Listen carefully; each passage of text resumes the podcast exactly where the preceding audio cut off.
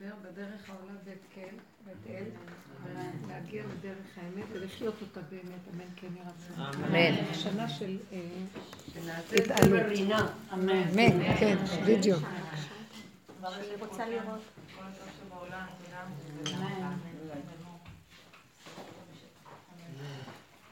טוב, חצינו יבשה, לא? לגמרי. אה, יבשה עברו גאולים, מה שנקרא, עברנו קריעת ים סוף. כל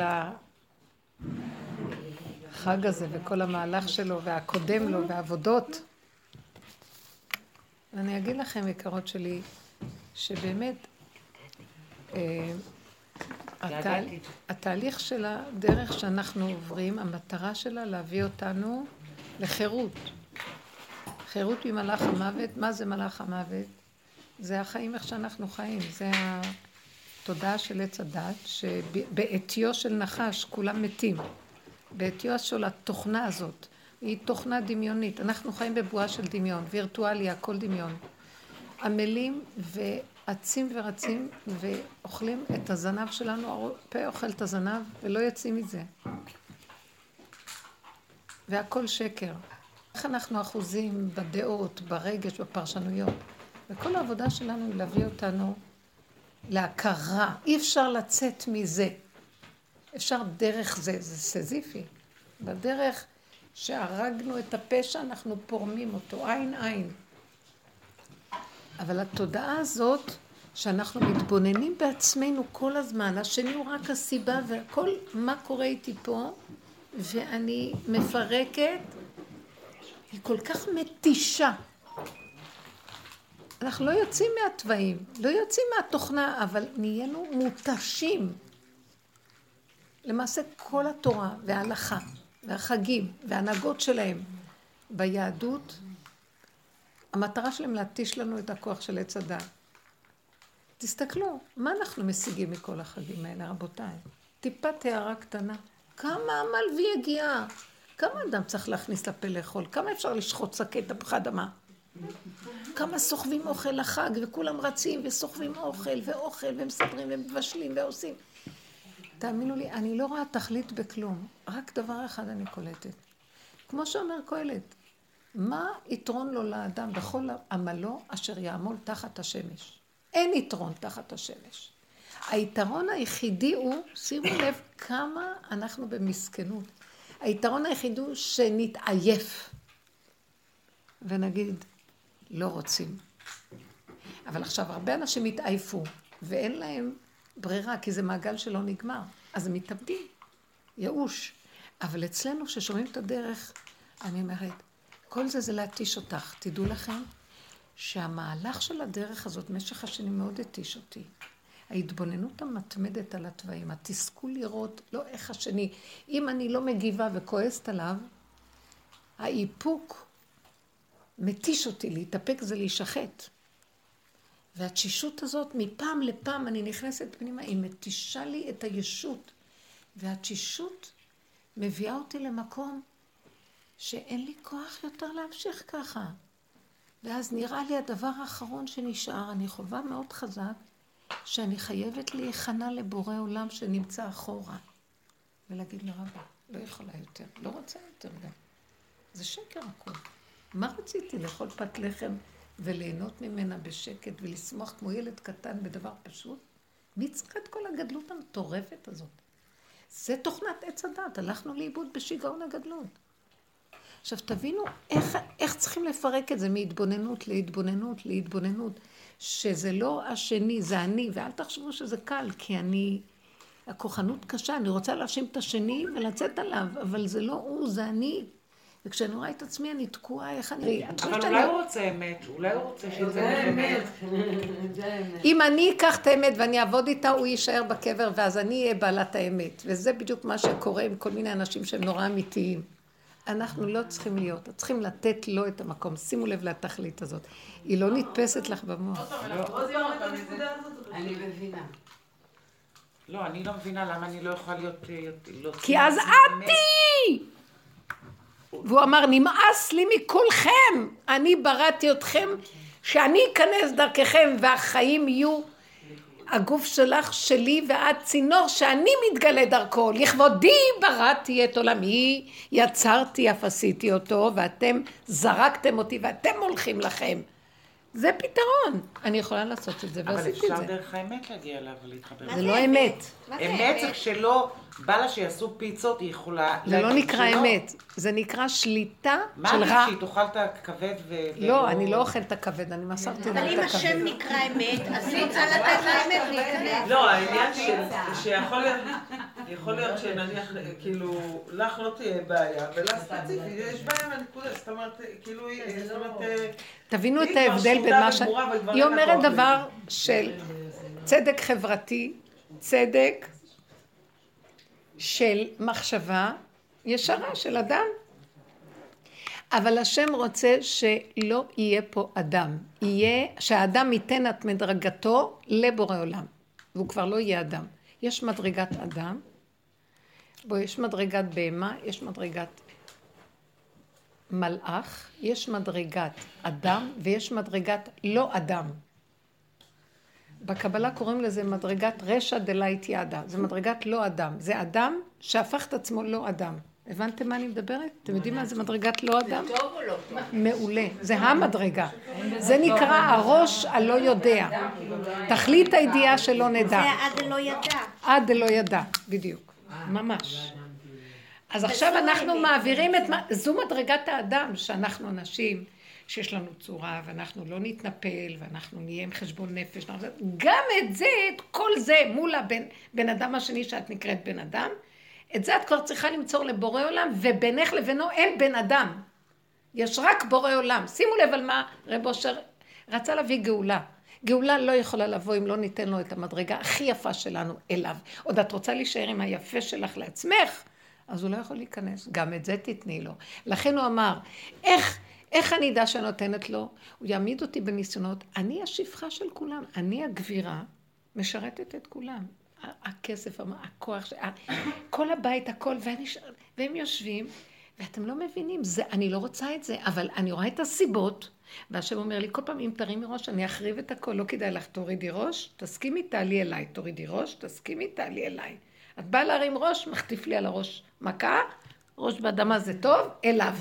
לא ראש באדמה, אה, ייאוש. ראש באדמה אליו, אבא, אני מתפוצצת, אבל אליך.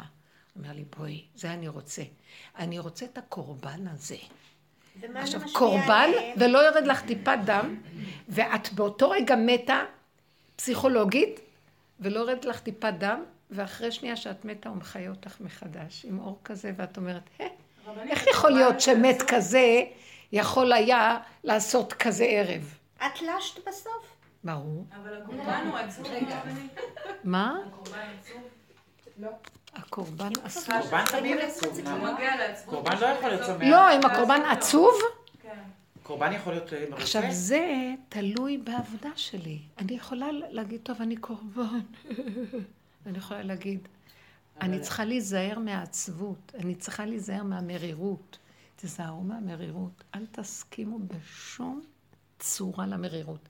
היא השטן שגונב אותנו, אז חבל לך, זה קורבן פסול, סתם. מה שנקרא, ימותו ולא בחוכמה, חבל לך על החיים. אם את כבר מתה, תמותי, אה, רבי עקיבא היה צוחק. זה תכלית שאנחנו בסוף נצחק על הכל, אומר, הנה, עלייך אני מתיישב. את תופסת את העלילת דברים שעשיתי פה בעולם. הכל כאן צחוקים, אתם מדי רציניים. אתם לוקחים, קודם כל ברחתם לי וגנבתם, טיפשים, ריקים. אתם עב"מים עם רגליים בראש עפים, יתושים באוויר וחושבים שאתם קר- קרובים לאור ואתם יתושים גנבים. טוב, תורידו את הרגליים, עוד אתם מרגישים שאתם איזה משהו, גם זה תפרקו. הכל, תנו לי, תישארו כלי עם רגליים, ראש בשמיים, רגליים באדמה, ואני נכנס דרכו. אין לכם כלום, אתם עמוד, הבריח התיכון, מבריח מהקצה לקצה ואלוקות בתוכו. זה הגאולה. ועכשיו את, תבינו, זה מתיקות עולם. אף אחד לא ירגיז אותך בעולם. אין חירות יותר גדולה מזו. מה אכפת לך מכלום? זה תהליך שנהיה לאט לאט לאט. עכשיו, טיפה של קושי ויגיעה, טיפה של בא משהו להתנגד לי, ואני אומרת, לא, לא, לא. שינצח אותי, לא אכפת לי. אני אני. אין לכם מושג, שמה נכנסת האלוקות. וכל העולם הזה הפוך. נצח אותו, הוא לא יגיד לי מה לעשות, אני אראה לו מי אני. טוב, יום אחד הוא יתגבר עליי, אני מדוכא, ממחרת אני אראה לו מה זה, בכיף. חבל לכם לדעת, משחק טיפשי שלא נגמר. חירות ממלאך המוות, חירות מהרגש הטיפשי, מהפרשנות, מכל המשחק של העולם. יאללה, תהיי בעולם, כי הוא לא רוצה שנעוף מהעולם. כי כל רגע הוא שוחט בצורה אחרת, ואת צריכה להעלות לו בחיוך את הכל. ואם תהיי בהרים, אז לא יהיה לך גירויים מאף אחד, זה דמיונות. אז את צריכה להיות בעולם. אבל קטן ואליו. קטן ואליו. קטן ואליו. בנות, מספיק עם הפראייריות שלנו בעולם. אתם, אנחנו כולנו מדי קשורים עם העולם. אני ראיתי את זה. אתם תהיו בעולם, במשפחה והכול. מספיק להתמסר לך. שקר הזה, שמה שנקרא משפחתיות בטבע, זוגיות בטבע, חיים בטבע. אני לא רוצה שנברח, אין לאן לברוח. אבל בתוך הנקודה תתמעטו ותיעלמו. מתגלה משהו אחר, הוא יחזיק לכם את הבתים, את הזוגיות, את הילדים, את הכול. תתאמנו בכיוון הזה, זה כל העבודה. זה החירות שנכנס, שאנחנו נכנסים אליה עכשיו. מדויקים בתוך הנפש. יותר מדי אנחנו בעולם, אתם לא מבינים שאנו שכל של עולם, ויכוחים של עולם, תסכולים של עולם, כאבים של עולם, נפילות של עולם, קימות של עולם, עולם, עולם, עולם, עולם. אין עולם. חבל על החיים. חבל על החיים. איזה שכינה יש שלה. אני לאחרונה רואה שאומר לי, בואי, בואי אליי, זה שתי כנפי יונה, שכינה, שפרסת כנפיך על אמתיך. מושך אותי אליו. אני אומרת לו, רק תגן עליי מהעולם הזה, הוא משוגע. ואיזה מסכה את יוצאת החוצה לעולם? שום מסכה. אני לא... זה עצבים חשופים ככה. לא, לא, לא. תקשיבי. יותר ויותר ויותר, אתם יודעים, היה לי חוויה מדהימה. יותר ויותר ויותר, אין עולם. את בתוך עצמך כמו ילד קטן, ומה אכפת לך מכולם בכלל? זה כבר לא מה שהיה פעם החשבונות, בוא נשחק אותה, גם חבל לך לקוח לשחק, אף אחד לא רואה שאת... אף אחד לא צריך את המשחק שלך. אתם לא מבינים מה אני מדברת? אנחנו עושים, מתאמצים מדי בשביל כלום. כי במילא השני בכלל לא רואה מה את עושה. הוא לא קיים. נמצאת במקום אחר, תהיו פשוטים, פשוטים, פשוטים. תורידו את... התרבות שלנו היא מסובכת, היא רצינית, היא מאוד חשובה, היא מאוד מדורגת, היא מאוד מחושבנת. לא, השכינה זה דבר פשוט, אמיתי, פשוט, חלק. הכנעה, מי שלא, אין לו את היכולת להוריד את הגאווה הזאת, זה מאוד קשה להוריד את הגאווה, זה להישחט. הוא לא יכול לקבל פני שכינה. הגאווה, תאהבת השם כל גבלים. עכשיו, מה זה הגאווה? זה הרצינות. זה חשיבות. זה השכל המסודר. מה פתאום שאני אגיד לך, אני אגיד לו ככה. זה לא הגון. נכון. אבל שכינה אין שם. תהיה הגונה בלי שכינה. נכון שזה יותר טוב, זה תהליכים, להיות הגון מה שלא הגון בעולם. אבל גם כשאת הגונה מול בורא עולם, אין להיות הגון לא הגון. אין בן אדם. להשיל את מדרגת האדם. זאת אומרת, אני רוצה לדבר על העניין של הרצינות שאנחנו לוקחים את החיים. הרצינות משגעת, טומטמת. מול הילדים, וואי, ילדים שוחטים אותנו, דבילים כאלה, חסרי שכל, שולטים, שולטים בנו. ברדקים. טיפשים. ועכשיו, והבעל, אין כלום. אנחנו נגמרים על כלום. מה? אולי תשתי משהו ואני אספר. אולי מה? תשתי משהו ואני אספר. טוב. אני אגיד ברכה על היין, ברכה חשובה, זה יין טוב. לחיים טובים. לימים של ישועה, ימים ושנים, בעזרת השם. ברוך אתה אדוני אלוהינו, מלך העולם בוער פרי הגפן.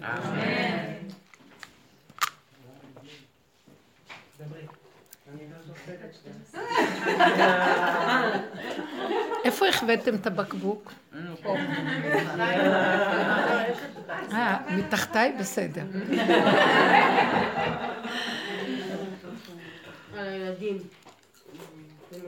חמודה.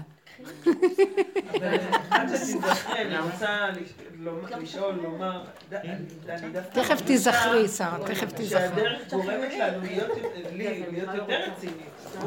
לא, יש, יש שלב שאנחנו רציניים לעומת מה שהיה קודם, שהיינו בהפקרות בעולם, אז עכשיו יותר להתכנס, להתבונן. אבל מרצינות שאנחנו נכנסים פנימה ועובדים, גם צריך להיזהר שלא ניקח נורא ברצינות, כי אז אנחנו נשברים, כל כך הרבה עבודה עשיתי וזה מה שמגיע לי, כמה אני אתן עבודה ואיפה אתה, ואני אגיד לכם, כמה שלא נתתי עבודה על התוואים והכל, נשארתי אותו דפוק, שחוזר ככלב, ששב על קיאו, והטבע שלו, ביסוד שלו, חוזר עוד פעם לאותה נקודה. לכן אמרתי לכם, הגעתי לנקודה שאמרתי, אני לעולם ארצה לרצות. אני לעולם אשאר אותו אחד שרוצה לרצות, ואת זה אני מעביר אליך. אני תקוע. זה כבר לא שאני אנסה לעשות, וניסיתי כל הדברים שבעולם, גם התגברתי על הרצון לרצות, וגם הייתה תקופה שבכלל לא ריציתי והכל, וזה חוזר. כן, רב אושר אומר שכושי לא ישנה את עורו, ונמר לא יחליב את חברותיו, והתפוז לא יהיה לימון, שהם קרובי משפחה. לא יהיה. כל אחד זה משהו אחר. זאת אומרת, מה שנשאר לנו פה זה, בסוף, התשישות כל כך הרבה עבדתי, ואני נשאר ביסוד, זה לא מה שהיה פעם, זה לא ההתפרצויות החיצוניות, אבל בדקות התורה שלא השתנה. אז אמרתי לה, לא, זה מה שאני תמיד אשאר. אומר, כן, אני בראתי אותך עם הטבע הזה, אבל אני רוצה אותו אליי. את הטבע הזה אני רוצה להשניא לי אותו. אז אני אומרת לו, אבא, קח אותו. אני לעולם אשאר, אם תשאיר לי את הטבע של הריצוי, אני צריכה לרצות אותך, לא את העולם. אז אם אני ארצה את העולם, ישחטו אותי. והם ישחטו, ואין לי מה להגיד, אז אני מעלה אותו אליך, תציל אותי מעצמי. זה לא להציל אותי מהשני, תציל אותי מעצמי. כל התוואים שלנו זה בתוך עצמנו, והם מה שגורמים לנו. מה השני? השני הוא רק המראה. אבל זה יותר מופשט מזה, כאילו, ברגע שיש את האש בלב כזה, שאת בא לך להרוג את השני, אז אני מוריד את הראש ואני אומרת לו, את זה, את זה, את זה תיקח. יפה, זה אותו לא, דבר. לא, בלי כאילו, את זה, את זה, את האש הזאת שאני כבר הולכת להטריף, אז איפה שהוא אני מסתירה את עצמי, אני אומרת, יש איזו נקודה דקה. האש היא תוצאה של טבע. מעלה את האש. עכשיו, למה אני כן רוצה שנדייק כל אחד והטבע שלו? כי הצינור שלך ושלי שונה, שלה שונה, כל אחד צינורות שונים, וכשמה שקרה לצינור שלנו התלכלך, נכנס בו האגו במקום מלכות השם. עכשיו, כשאני רוצה לקחת את האגו הזה ולהעלות אותו להשם, הטבע יוציא לך אש. זה יש לה קינה, זה יש לה שנאה, זה יש לה דיכאון, זה אש, הכל אש. אז זה אותה אש, אבל התוואים הם שונים. ואני רוצה לדייק איתו, להגיד לו, אבא, בראת אותי עם התכונה הזאת, תמלוך בתכונה. אני תמיד אשאר עם רצון לשליטה. אבל שזה יהיה אתה בתוך השליטה ולא האני שלי בשליטה, שהוא מחריב את העולם. תמיד אני אשאר אחד שרוצה לרצות. מה זה לרצות? להיטיב לבריות. אבל ינצלו אותי אם זה יהיה אני, ואני גם כן אעשה מניפולציות דרך זה לשני, אז זה שקר. קח את הרצון לרצות ותמלוך בו אתה. זה הרצון להיטיב לעולמך. זה רק אתה יכול להיות. אני רואה שאני סכנה מהלכת. אני אחריב את העולם עם אותם תוואים, כי האגו בתוכי הוא מחריב את הכל, כולנו פה. נראים לנו כאילו אנחנו טובים, אנחנו גנבים, גונבים אחד את השני. רק כשהשם נכנס בטבע, זה טבע אמיתי, נקי. מבינה מה אני מתכוונת? לכן לא נשאר לי שום כוח להגיד לו. כמה עבדתי על עצמי, וניסיתי לעבוד שאני לא ארצה ולא הכל. בסוף נשארתי, החזרתי אותי, החזרת אותי לאותו מקום, מה אתה רוצה ממני? שאני לא אתייאש ואני אגיד לך, אני לא יכולה, אבל אתה הכל יכול. קח את זה, קח את זה אליך, קח אליך. זה לא שלי, זה שלך. ואמרתי את זה בתשישות כזאת, לא יכולתי. עכשיו, אני יכולה גם להעלות אליו את האש, אבל כשאני מדייקת להגדיר, אני מרגישה שהוא יותר בקלות יורד לנקודה. כאילו, זה כמו שאת הולכת לרופא ואת מגדירה לו בדיוק איפה הכאב, ומהו התחושה. זה אינו דומה לאחד שאומר, אני לא יודע, כואב לי. משהו כזה. את לא יודעת הרבה פעמים, לפעמים לא יודעים. כן. מלא פעמים לא יודעים. כזה כאוס שאת לא יודעת. נכון. אבל עכשיו ככה, באותו רגע של הכאוס לא יודעים. או מול האחר, שפתאום משהו מטריד אותך מול האחר, ואת לא יודעת נכון. איפה זה הנקודה שלך. נכון. אחרי שזה עובר, וזה מה שבעצם רבי נחמן מדבר על העניין של ההתבודדות, אחרי שאותו רגע אינטראקציה שהיא קשה מאוד באותו רגע, אין לדבר. אבל כשאת נשארת בדלת אמות, יש מקום להתבוננות. כל העבודה הזאת היא ההכרה והדיבור בינך לבינו, כשאת לוקחת את הסיטואציה, מפרקת אותה וקצת מתבוננת. את יכולה לתת דוגמה שאפשר יהיה ללמוד על העניין הזה. אז סליחה. עד שאת מגיעה למקום שקורה לך דבר בעודו, באיבו, בתוך העניין עצמו, תוכלי לעשות את זה. אבל זה תהליך. אז לדוגמה, כש, כשאת רצית שהם ילכו ובסוף הם נשארו להכין את הפיצות, איפה כן מצאת את השקט עם עצמך בסוף? שהסכמתי לפגם שלי. הסכמתי שאני, אמרתי לו, עזבתי אותם, והם היו רק המראה להראות לי איך אני נראית. כלב שמרצה. אמרתי לו, אבא, אני כלב שמרצה.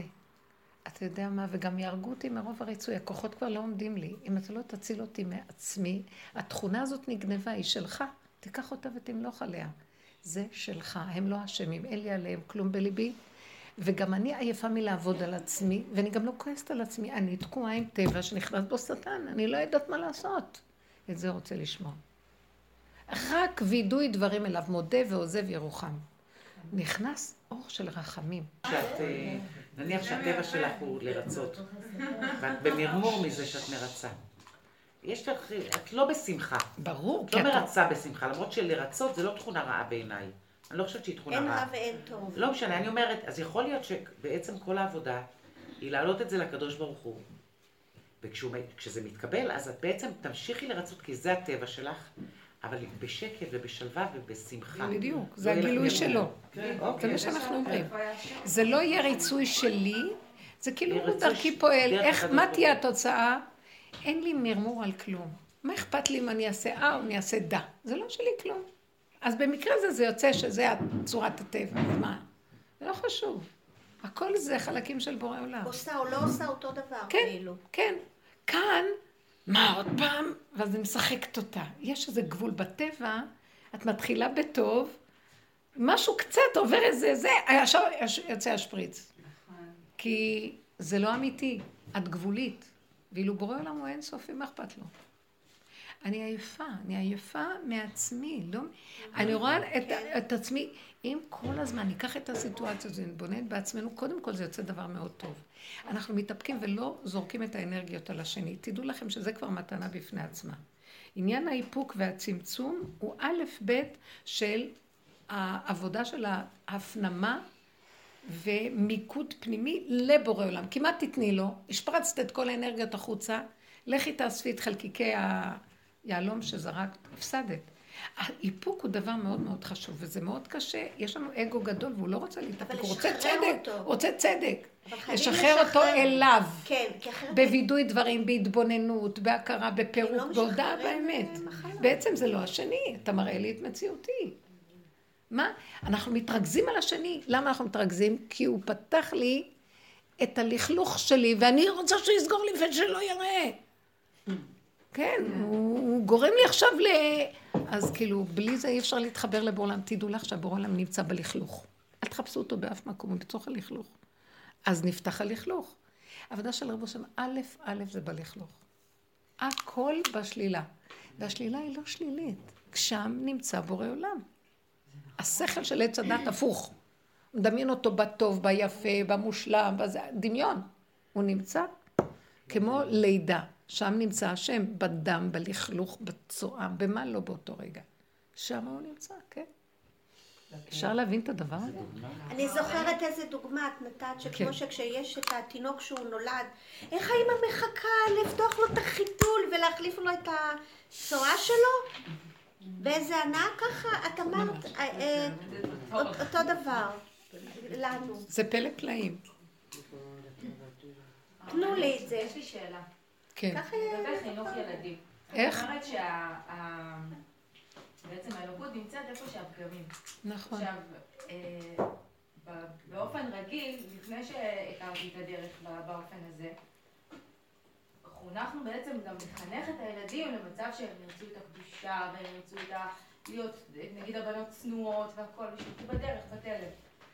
ומאז שהתחלנו את, ה, את התהליך הזה, בעצם אני עם עצמי, אז התחלתי לאפשר לילדים גם קצת להוציא, אה, כאילו לדבר. להיות קשורים עם עצמם. כן, להיות קצת פחות, ואז פתאום הם מרגישים חופשי, במקום לספר לי דברים שאני אומרת לעצמי, כאילו אני לא מגיבה להם באותו רגע, כי אני לא, באמת לא יודעת איך, אבל למשל הילדה שלי אמרה לי לפני כמה זמן, אם אני הייתי יכולה, אם היה מותר, אז הייתי לובשת ככה, והייתי עושה ככה, וזה וזה, פתאום אני קולטת שבצדיקה שלי, כאילו, ממש שש, זו פריחה קטנה.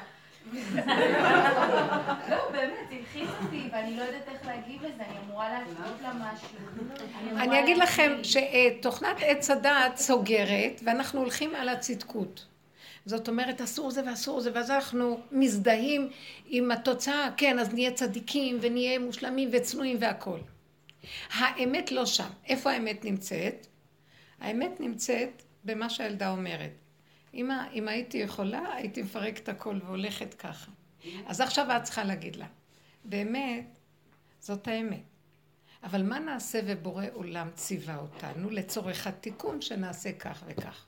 אמת פשוטה, ילדים נכון. לא צריכים להתפצף, אבל זה נורא אמת פשוטה. את יודעת מה? תגידי לה, בגן עדן הם היו. ערומים ולא התלבשו בכלל, ולא היה בעיה.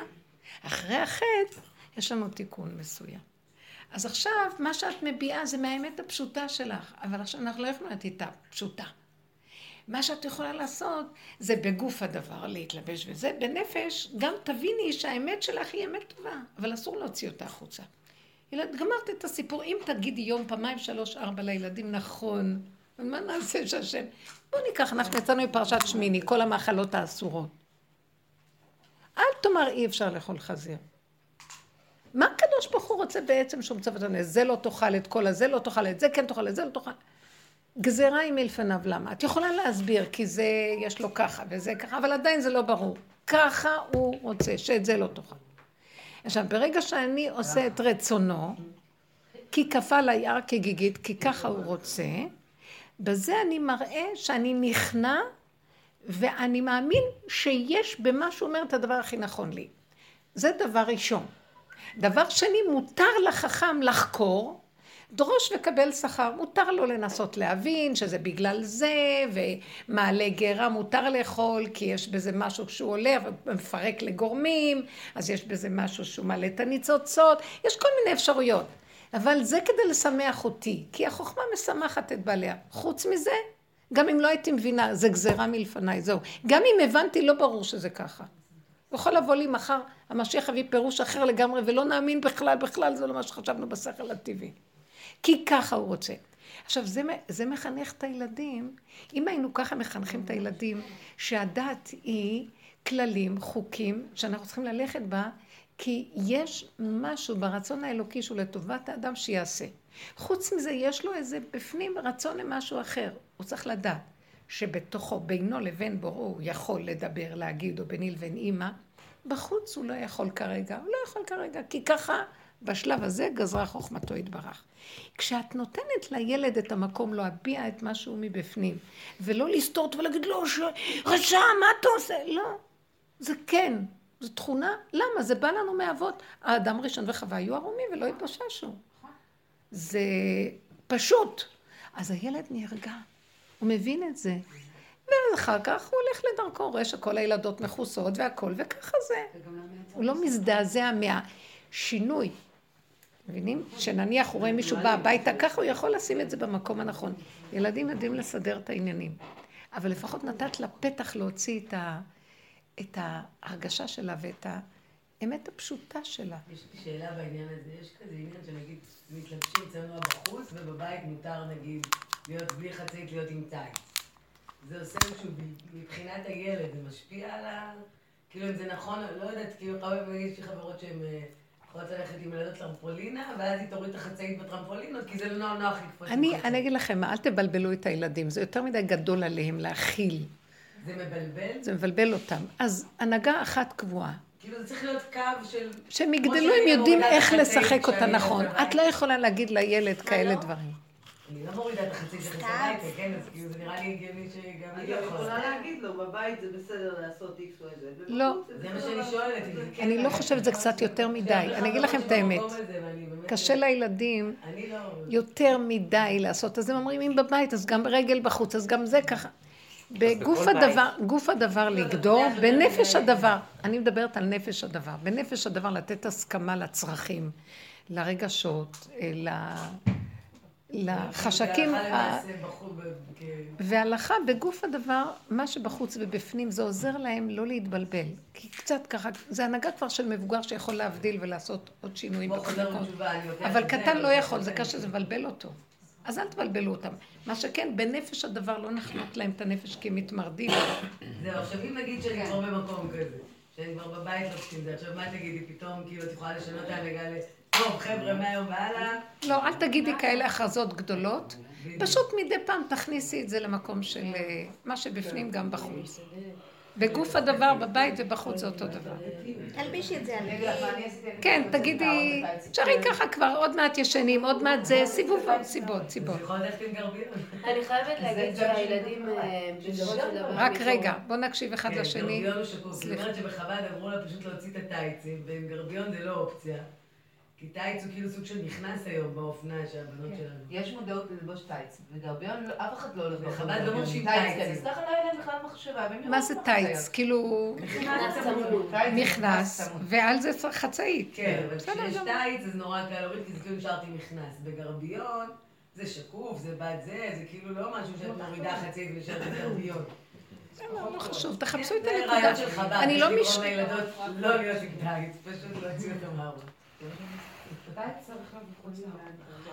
אני חושבת גם צריך... אה, ש- רק רגע. נראה לי, לא יודעת, אני מרגישה שיש בהרבה מקומות, גם בגלל שאני חוזרת בתשובה, אז כאילו, זה לא מנהגים מבית, כן?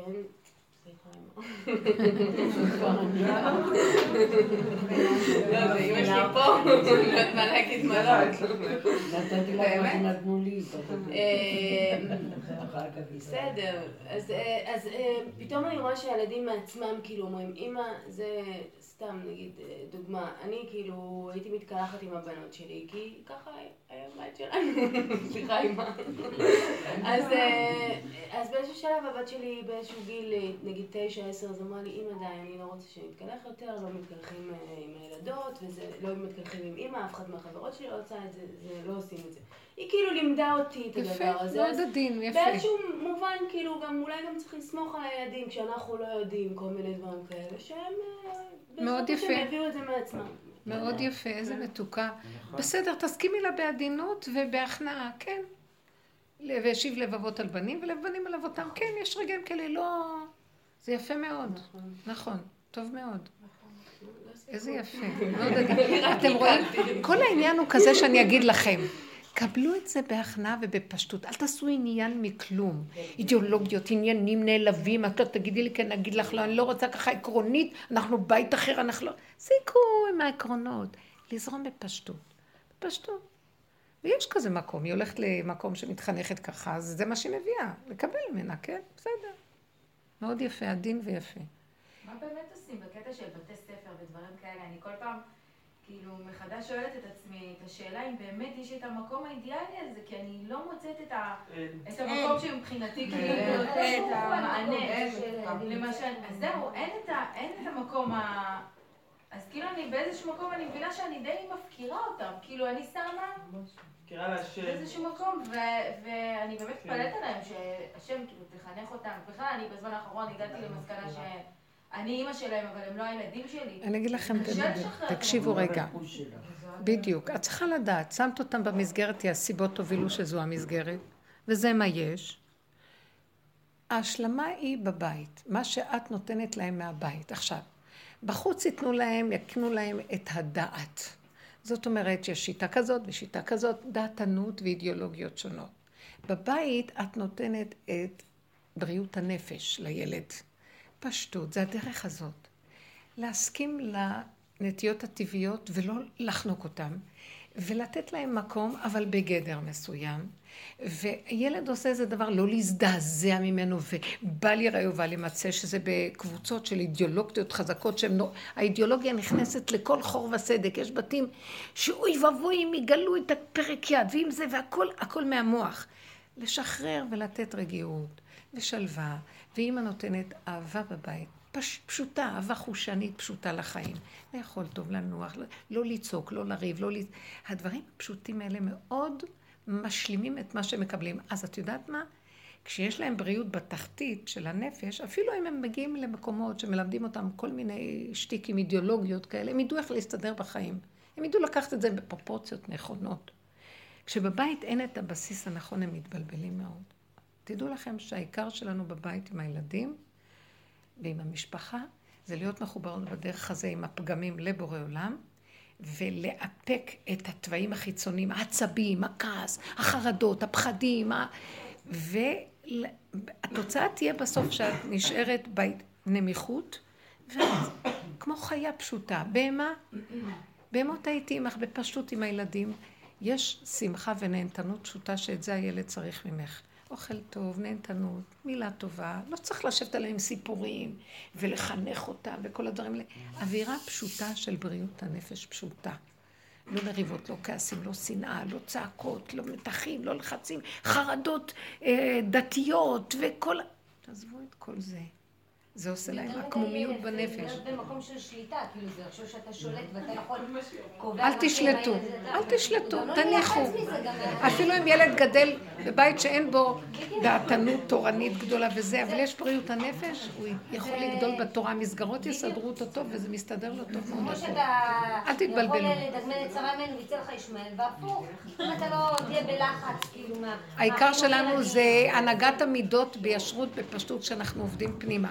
אין עבודת מידות יותר גדולה מזאת, כי את לוקחת את כל השפריץ החיצוני של, אה, של שלילה של המידות, ואנחנו לא מרשים לעצמנו להוציא. תעבדו על הנקודה הזאת לא להוציא, כמה שאפשר. ואם יוצא, ת, תקומו כאילו כלום לא קרה, ותתחכי לילד לרגע כאילו כלום לא היה. אז הילד גם לא יתבלבל. צעקת! אחרי רגע תגידי, לא היה כאן כלום, הכל בסדר, מה נשמע? צחקו, תתיעו, תחזרו כל הזמן לנקודה שאין כלום. לא להתרגש, לא להתרגש. אז תדעו, החושים, כשאין את הרגש והסערה, החושים פועלים טוב, הילדים מבינים דרך החושים. את לא יכולה להגיד לילד, אה, אפילו ראיתי, אני, שאני אומרת לילד, נעים לך? הוא לא מבין מה זה נעים, אבל טעים לך? על דבר שהוא לא קשור לחוש הטעם. אני אומרת לו, טעים לך? למשל, נוח לו בכ- בכיסא, ואני אומרת לו, טעים לך? הוא מבין שאני מתכוונת לנעים לך, גם נעים קצת מופשט. ילדים צריכים משהו קונקרטי פשוט. תדעו לכם שזה בריאות הנפש. היום האימהות מדי במוח, מדי בחרדה של החינוך, והכל למטה חשוף, ואין בריאות שמה. פשטות בריאה, קיומית חושית. זה, זה המקום של האימא בבית. חוץ מזה את יכולה להיות משכילה גדולה ודעתנית לעצמך, אבל לא להוציא את זה על הילדים, לא לזרוק עליהם את הדעתנות. כי הם הולכים בחוץ לדעתנות ובבית הם מתבלבלים, הם לא יכולים להכיל את זה, הם צריכים מרגוע לנפשם כשהם חוזרים מהבית, משהו נוח, פשוט, שאפשר להביע את מה שכואב, מה שקשה, ואת מסכימה, ולא נורא, וזה בסדר. כשחונקים אותם מכל הכיוונים, בסוף הם אלימים אחד על השני, מוציאים את זה בעצבים, ומכים אחד את השני, מעצבניים נורא. אבל בעניין של הדתיות, נגיד, אז אני, נגיד אני משח... באמת מרגישה שאני יכולה לשחרר, אבל מה עם הבעל? הבעל. של... אני אגיד לכם משהו, לא, תגידו, לגבי הילדים. אני אגיד לכם משהו, תנסו בחוכמה לנטרל את הבעל מהילדים. מה זה קשור אליך, מותק? תעזוב את זה לי, נניח. מה, למה הוא מכניס את הראש שלו לתוך זה? כי הוא אומר, אז למה את נותנת לה לקרוא ספרים כאלה? אז למה אה, את אה, אה. זה? אז למה את... האמת שכן, יש בזה משהו. אם ב... נכון. שוב פעם, זה שייך לדעתנות, ואם במסגרת לא נותנים, למה את נותנת לה בבית? זה מחלקת הדעת. לכי באותה שיטה של הבית ספר. אל תבלבלו אותם עם דעות שונות, זה מאוד קשה לילדים. זה המקום שאנחנו גרים. זה המקום ש... זה מה? הסביבה. מה זאת אומרת? רגע, בוא הסביבה נקשיב. של הדתי-לאומי זה לא חרדי. לא, הם אבל- מעורבבים עם בסדר, הכל. בסדר, לא אכפת לי, אבל הם הולכים למסגרת שמעורבבת עם הכל. כן, אבל אז נגיד בבית היא קוראת ספרים שהם אה, כאילו של גויים, ואת יודעת, ספרים מהספרייה שיש אצלנו במושב, שזה ספרים לא קשורים. אז אל תלך לספרייה. אבל כל הילדים בכיתה קוראות את הספר רגע, הזה. אין לה בבית ספר, רגע, סליחה, למה אתם, למה שלא יפתחו להם ספרייה בבית הספר? אין, זה לא, זה הבית. ספר הוא פח- הוא יותר אה, משוחרר היא מהבית. מתכוונת שהיא משחררת לילדים כאילו להיות... טוב, אז עכשיו רגע, רגע, אני רוצה לשאול. יש הרבה מה ללמוד מהספרים של... שיש בהם מידות ודברים שאפשר ללמוד מאומות העולם, דברים, אבל לא כל דבר. כן צריך לשים לב מה נכון. הילדים מכניסים למוח. אבל יש את החברה, וזה מה שהחברה עושה. אז מה, ואני איאבק בזה? מה אני אעשה? את יודעת מה אני מתכוונת? כן. זה המצוי. אתם יודעים משהו? אז אולי תשבי קצת עם הילדה, נניח, ותגידי לה, תראי, מה שאת קוראת, תקראי, אבל תלמדי לקחת כל נקודה למקום הנכון ולא להתבלבל. מה נוח לקחת למה ששייך לנו. אני סומכת עלייך, ותראי לה דוגמה אישית בדבר, כך שהיא לא תתבלבל, תהיה בעולם חילוני, באמצע החילוניות היא לא תתבלבל. כי היא לוקחת משם נקודה ולא מתבלבלת. זה גם דבר שאפשר ללמד את הילדים, לא להתרגש מכלום, אבל כן לדעת למיין. לברור ולמיין מה כן לקחת, מה לא. אני גם באופן אישי חושבת שאם הם יודעים. יותר מדי השפעה ויותר מדי ממשות, הם ממש יודעים. אם הם יודעים, זה סימן שיש איז... תדעי לך. לדעתי הם אם יודעים. הם יודעים, סימן שיש איזון בין הנפש בבית לבין אני יודעת הדעה שזה בבית החגים. של הגויים, וזה, היא יודעת, מה היא יודעת? כל אה, הזמן טוחנים להם את המוח, הם כבר יודעים הכל.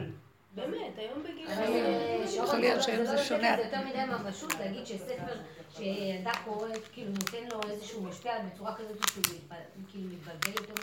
ספר ילדים, מה יכול להיות? כאילו, יותר מדי כי לחץ היום כאילו על ספרי הילדים. ילדים הם מה, הם לא בדיוק ספרי ספרי ילדים. היום? הכל ותמי, מאוד. אני- לא, פדופילים. העולם מעורבב נורא, אני לא, אני מרחמת עליהם. אני מתבלבלת, אני לא יודעת איך אני. שרופה מהיפיפייה נרדמת בכלל, כי זה לא חייב להיות מהיום, אתה לא יודע איך משפיע ספר על ילד. אני רוצה להמשיך את השיחה, אבל על בנים. שבנים אמורים ללמוד גם תורה. ויצא לי השבוע להתקל באיזה דיון גם עם הקבוצה אה, לגבי הטלפון. זה, שיש אותו לכולנו. ו... פרוץ? כן, פרוץ.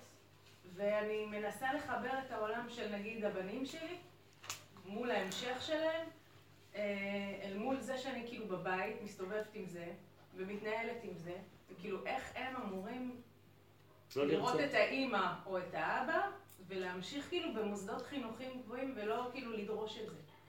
אפשר, מה, אבל אין זה כזה דבר שמה שמותר לאמא ואבא לא מותר לילד. לא- קודם כל במסגרת זה לא לא- מקובל.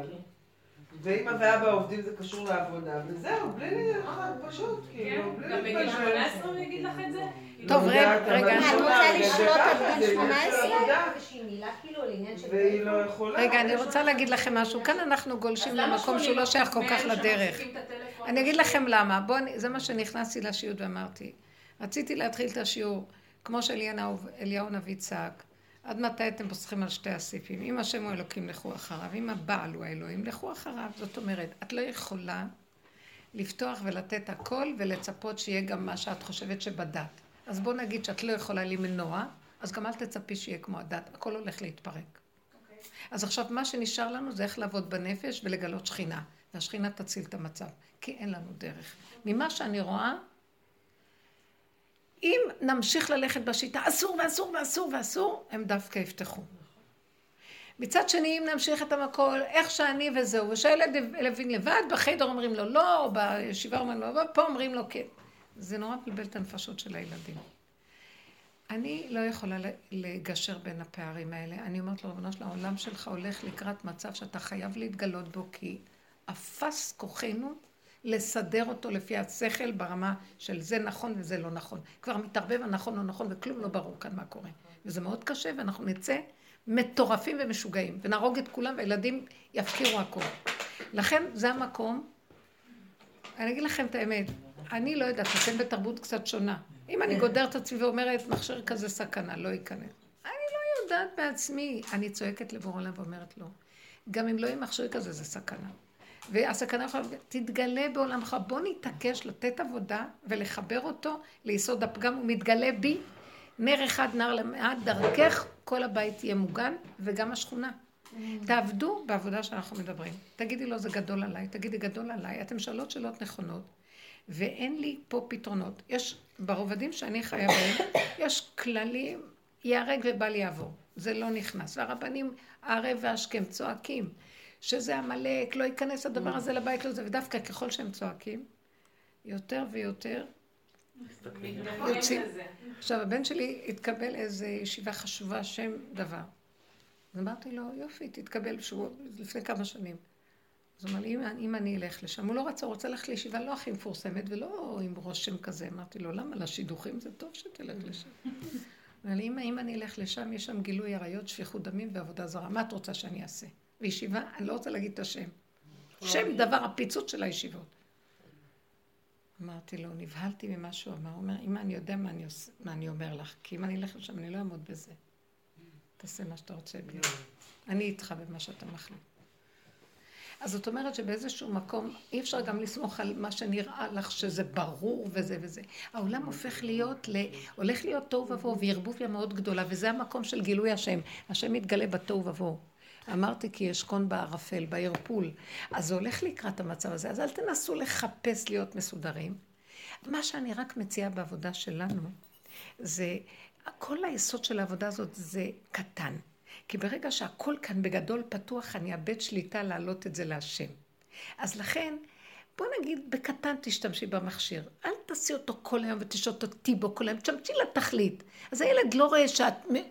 הכל בקטן, ולהעלות את הסכנה לבורא עולם. ולהעלות, ולהעלות.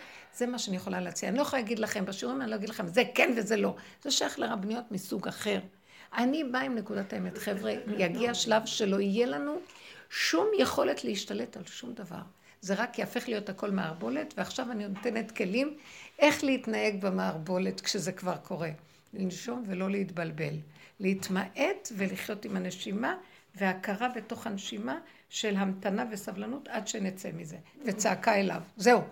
צעקה בנפש. זה יציל לכם את הבתים. תקשיבו לי. כי שם ייכנס שכינה ויציל לכם את הילדים, ויציל את הכל, והוא ישמור לכם על הילדים. כי השם, הוא לא רוצה שהילדים ילכו בשקר של העולם. הוא לא רוצה, לא. הוא רוצה לגדור אותם, העולם, הרבה שקר יש בעולם. הוא לא רוצה את השקר של העולם. השקר של העולם מדי גדול. להגיד, הכל נמצא, הכל זה שכינה, הכל יש השם, לא. בקטנה. השכינה מתגלה בקטן. אז קחו את הקטן. אפשר ללכת עם טייץ בנקודה קטנה, אפשר, הכל, אל תפקירו, הכל בקטנה. תלכו על הקטן. גם אל תגידו, או ככה או ככה, לא. כאן ועכשיו בקטנה. אליך, אבא, תדריך אותי, הורני השם דרכך, לך ועמיתך. אומר דוד המלך, שהוא היה כל כך חכם וגדול ויודע, טעיתי כשה עובד. אני טועה.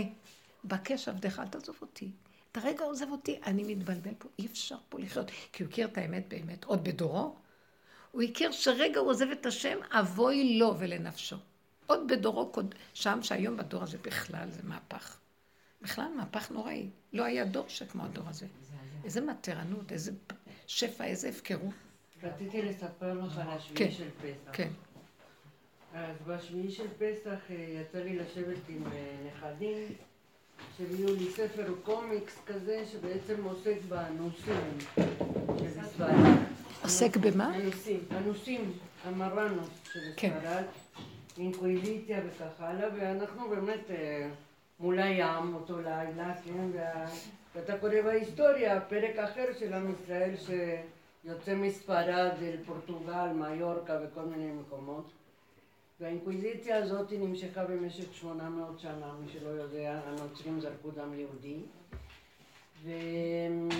ובעצם כשאל אחד האיים מגיע יהודי, שכבר מזמן אפשר להגיד שאתה יהודי בעולם, כן, אחרי מלחמת העולם השנייה או משהו כזה, מגיע לאיים, ואומר להם, אני יהודי.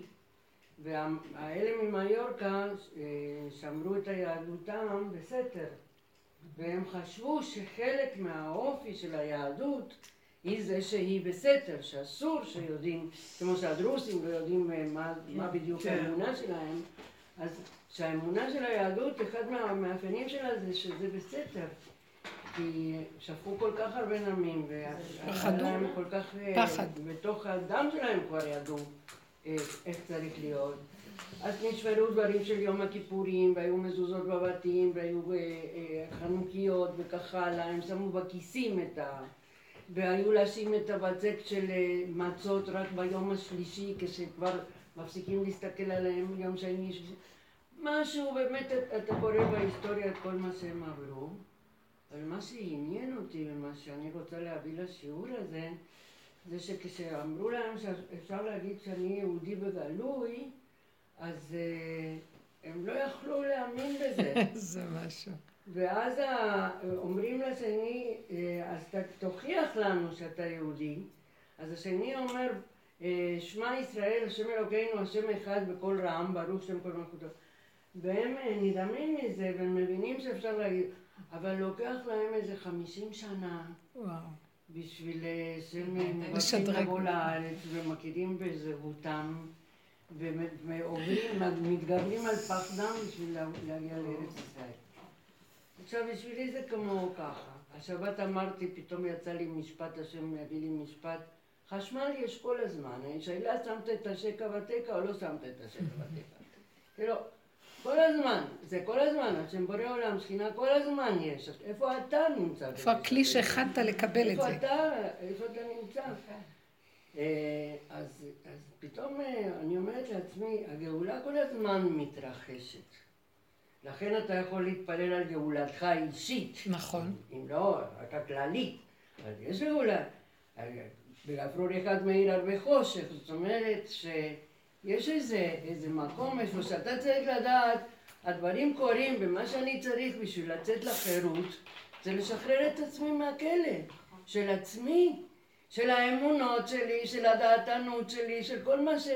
היום הייתי בבדיקת עיניים, תוציא את הראש, אמרו לי, תוציא את הראש. אמרתי להם, אני גם לומדת את זה, איך להוציא את הראש.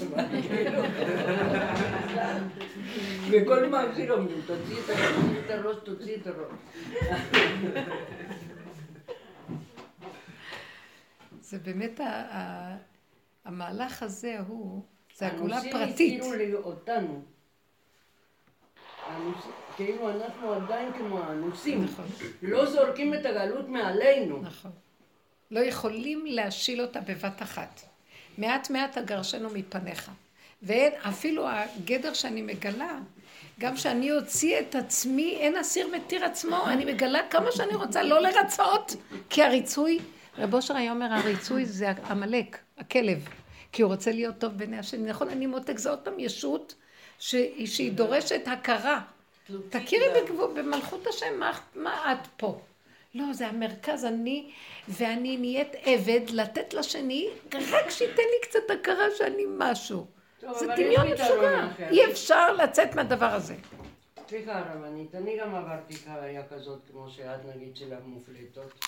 אז זה לא היה של מופלטות, זה היה שביעי של פסח, שנמשך אחרי השביעי של פסח, יש אזכרה לבן בעלי היקר, זה לא השנה הזאת, לפני שנתיים שלוש, ואז צריך את הכלים להעביר ולהכין את האזכרה וכל זה וכל זה, ואז בשיעור תורה ותפילות בבית וכל זה, וכל זה מי שמתפקד כאילו ראשית זה... אנוכי, ו- ואז פתאום אה, הבן שלו שמגיע ממקום רחוק אומר לי, אני רוצה לבוא עם הבחורים מהכולל, ואולי ישנו שם, זה בסדר לך? אמרתי, בסדר, תיקח קומה שלוש. לא, בסדר, אבל אתם צריכים להבין, כאילו זה עוד דבר להכין, זה לא... בטח. אז אחר כך הוא אומר לי, אולי נביא קצת על האש, מה את אומרת? יאללה. אמרתי לו, לא נראה לי שייך אזכרה, ואני הזמנתי כבר קייטרינג ודגים וזה, לא נראה לי שייך אה, עניין של על האש, זה לא הילולה וכולו. אחר כך הוא אמר, טוב, אז עכשיו אנחנו פה, אכפת לך נשחק קצת בו, אה, ביליארד? עכשיו הביליארד, אני ישנה פה והביליארד רץ לי מעל הראש, כל כדור שנופל זה טוק טוק טוק טוק טוק טוק. אני גמרתי, גמרתי אזכרה, גמרתי שביעי של פסח, גמרתי לשים את הכלים, גמרתי כאילו עכשיו, זהו, הגעתי לגבול שלי. ואז אה, אמרתי לו, לא, לא, אני חייבת לישון, אי אפשר עם הביליארד. אז הוא אמר, ולבריכה אפשר ללכת? לא, אמרתי לו, זה ליד החדר שינה שלי, סליחה. ואז הוא אמר, אז אפשר את האוטו שלך מחר בבוקר? לא. עם הבחורים ששמים 15 בפנים ואין בכלל ביטוח על הגיל שלו וכל זה, אמרתי לו, לא, אני מצטערת, אני לא יכולה. זאת אומרת, בסוף. פעם הראשונה, שנייה, בחיים, הוא היה כבר, שכל השאלות האלה נעשות. פעם הראשונה בחיים שלי, כאילו שהרגשתי שהגעתי לגבול שלי, ושלא אכפת לי שתאהב אותי או לא תאהב אה, אותי. אבל זה לא את, שנייה, שנייה. שנייה, שנייה. זה לא נגמר שם, זה היה סוף הסיפור. אז אה, כמובן שאיזה שבע חודשים הוא לא דיבר איתי, ידעתי שהוא מאוד כועס עליי, כתבתי לו מכתב, הוא לא קיבל תשובה, לא משנה מה. אבל מה שנגמר זה שבבוקר הם כולם קמו והלכו לבית העלמין. אני גרה באזור מאוד מסוכן, נגיד, להשאיר אותי בכל הדלתות פתוחות, ואני ישנה בפנים, וכולם הלכו. כאילו, כאילו, אתה יודע. אז אה, אני קמתי ואמרתי לעצמי, טוב, עכשיו יש לך כמה ברירות. קודם כל, כל הקומה השלישית אי אפשר לט- לטייל בה בכלל. בלאגן. כל הקומה השנייה, גם כן למטה, והשכרות וזה וזה. יש לך כמה ברירות. מה את עושה? אמרתי, אני מתלבשת, נוסעת באוטו לקניון בירושלים, קונה כמה דברים. זה מה שעשיתי. נסעת, אף פעם לא עשיתי דבר כזה, זה כאילו בתהליך שלי, של ההיכרות שלי עם עצמי, וגם לא להעלות את עצמי קורבן אחרי כל מה שאני עשיתי, לא, לא מגיע לילדה שלי אפילו, לא, לא. ו... ונסעתי לקניון וחזרתי דרך בית דניאל, נכנסתי, קניתי לשבת, בשתיים ומשהו, ואני אומר לי, איפה את? אני בדרך קונה קצת דברים לשבת, והייתה שבת שלא יכולתי להקפיד על אף אחד כלום. הבנת? זאת אומרת, אני... היית עם עצמך וזה היה בסדר גמור. ככה. אז זה היה גילוי... אז זה גם כאילו בלי המופלטות. לא הסכמתי למופלטות, ויצאתי כן עדיין. אני אני אגיד לכם את האמת, אני אבל ראיתי את, ש... את והיא היא, זה העניין. לא, אבל זה... מה? את ו- את. את, ואי אי אפשר לא, לקחת לא, את לא. הדוגמה הזאת. זה לא עניין של לא נכון. לא, היא באה להגיד דבר. אני רק בתור אחת שמלמדת את הכיוון, אני רציתי להגיד לכם עוד נקודת עומק, שזה קורבן על קורבן, זאת אומרת, הוא רצה ממני שאני אתן לו עד הסוף את מה שאני לא יכולה. לא את מה שאני יכולה. עכשיו, יכול להיות שהיא כבר עשתה את זה, ואז התוצאה הייתה שהיא יכלה להגיד לו, ולא היה אכפת לה כלום, זה לא הייתה היא, זה בורא עולם מתגלה, אין כעס על אף אחד, השלמה מושלמת וזה, זה נראה תוצאה של גילוי שלו, אבל קדם לתוצאה הזאת, המאבק הפנימי, שאני מגדירה אותו פה, שאני נותנת לך את ההכרה שאני תקועה תקיעות עולם. ואני לא נותנת לך את זה בצעקה, כי פעם הייתי מעלה אליו בצעקה של עצבים, נותנת לך את זה ב... אתה רוצה, תהרוג אותי. הנה, שים כאן את הזה, סכין, ותשחוט רק שיהיה שחיטה אה, כשרה, כן? שמהר, מהר. אז הוא אומר לי, אז אל תתנגדי לזה, כי אם תתנגדי זה לא יהיה כשר. תגידי לי ש... אני הרגשתי שאני אומרת לו, גם את זה אני לא יכולה. אני רוצה, אני אגיד לכם מה אני רואה, שאני מעבירה פה נקודה. אני רוצה להבדיל מאוד מאוד חד בכל הדרך הזאת. מה אני ומה הוא. אנחנו מאוד מבולבלים שאני זה הוא והוא זה אני ואני זה... אז זה נכון שבסוף הכל מתערבב ומתאחד. אבל לפני כן מאוד ברור לי מה אני. אני לא. כל עיקר העבודה שלנו זה להגיד את הלא, להשלים, לקבל, לא להישבר, לא להתייאש, ולהודות בזה, ואפילו בסוף לצחוק. גמרתי את עבודתי. עכשיו הוא לא יכול לדרוש ממני כלום, זה עבודת האדם. עכשיו נגמר מדרגת האדם, עכשיו זה לא אדם, מתגלה הבורא עולם. אני רוצה שהוא יתגלה, התוצאה שלו, התהליך שלי. עכשיו, השאלה שלי תמיד, האם מיציתי את התהליך שלי, או שאני קופצת על הרוחני, ואני מרגישה את החיובי. אתם מבינות מה אני אומרת? בדבר הזה אני התמסרתי מאוד, שחבל לי להפסיד כל כך הרבה עבודה, אז תני עוד נקודה, עד שתרגישי, מה אכפת לך, יהרוג אותך, שיהרוג אותך, תמותי, מה אכפת לך? לא, אבל אני הרבה פעמים בקטע של הגבול, אז אני אומרת, אני מאוד מאוד עייפה, ואז אני אומרת, אני אעשה רק את זה, ואז אני אשב. ואז כמובן שאני יושבת ואני לא יכולה לשבת, כן? אבל אני כאילו קבעתי, זה הגבול שלי, בכל מיני דברים שאנחנו עושות, כן? אנחנו ככה עם הלשון, וזה אנחנו רק נעשה את האמבטיה ליד ואחר כך נשב. ואז כשאנחנו יושבות, השם לא נותן לשבת, כן? באיזשהו משהו שקורה. אז למה קבעת שזה הגבול? כי זה שחררי גם כדאי, שם. אני נחנקת, אני לא יכולה. אז זה. אני זה-. זה איפה שאת מזהה. עכשיו אבל- בוא נגיד שעברת את הגבול ואת רואה שמשהו ממשיך להרחיב. נכון. זה כבר לא את. אז למה, גם אל תרדי על עצמך ותתמרמרי. תגידי, אוקיי, אני אמרתי איפה הגבול שלי, אתה רוצה להרחיב, תרחיב. ברגע שאת מתמרמרת, שהתרחבת, את נותנת חותמת קונוטציה שלילית לנפש, ומר לך. זה לא כדאי, אל תבקרי את עצמך, תגידי, זה את... תעשו צחוקים מעצמכם. אני אגיד לכם את האמת, אין דרך להשתחרר מהשיגעון של התוואים הנוראים האלה, שטן יושב שם. ובסוף אני רק צוחקת. אני אמרתי, תראה, אני אומרת לך שאני אמרתי, אף אחד לא שומע אותי. כאילו אני, אז אתה יודע מה? הנה הגבייה מוטלת על המזבח, תעשה איתה מה שאתה רוצה, הגבייה יכולה ללוש. שתלוש. זה לא אני, תעשה מה שאתה רוצה. זה לא עצבן אותך בפנים שאת... אה, היה לי עצבים, ואז כל הזמן נלחמתי, את אומרת שזה שלו, תעלי את זה אליו, כי כשאת עוד מתעצבנת, זה לא לגמרי שלו, זה גם שלך. יש לך מה להגיד פה? תעבדו בדקויות של לשחרר, לשחרר, לשחרר, וזה מעניין. לא יכולתי לישון אחר כך מרוב התשישות. ואז אמרתי לו, זה התשישות שלך. אתה רוצה, אני אשן, אתה לא רוצה, אני לא אשן. ולא ישנתי. בבוקר וקיים. על- מה אני רוצה להגיד לכם? להסכים עד הסוף, גם לסוף. אתם מבינים מה אני מדברת? יש נקודת הכרה דקה של הסכמה. אתם יודעים שכשהבן אדם מכיר, היה, יש איזה ספר שנקרא גשר החיים, של רבי יחיל מיכל טוקצ'ינסקי, שהוא היה אחד מה שנקרא אה, יקירי ירושלים, מאה שערים. והוא כתב ספר שמדבר, הוא חקר את העניין של המיטה. הוא היה אדם מאוד מיוחד בתוך העולם החרדי. חקר את התהליך של המיטה, איך מתים, מה קורה לאדם כשהוא מת. והוא כותב את זה בספר. והוא מספר גם אחר כך, הבן שלו כותב את התהליכים האחרונים שלו בחיים, שהוא מימש את כל מה שהוא למד וכתב בזמן של המיטה שלו. שהנה עכשיו זה ככה, והוא עבר עם התודעה על עצמו. במאוד דקות ועדינות. תדעו לכם שכשיש הכרה ברורה ונקייה והיא מחוברת, זה לא מפחיד כמו שכשאת לא יכולה להתרכז והסערה של הרגש והבהלה הדמיונית הורגת את הבן אדם, ככה הוא נפטר. הוא אמר חבל להיפטר ככה. איך קוראים לספר? איך קוראים בדיוק זה? גשר החיים. מי כתב שם? מיכאל טוקצ'ינסקי. אם אני אמצא איזה העתק בלי נדר, אולי אני אביא. והנקודה היא לאיך, ועכשיו אנחנו בדרך שלנו עוברים תהליכי בדקי מיטה.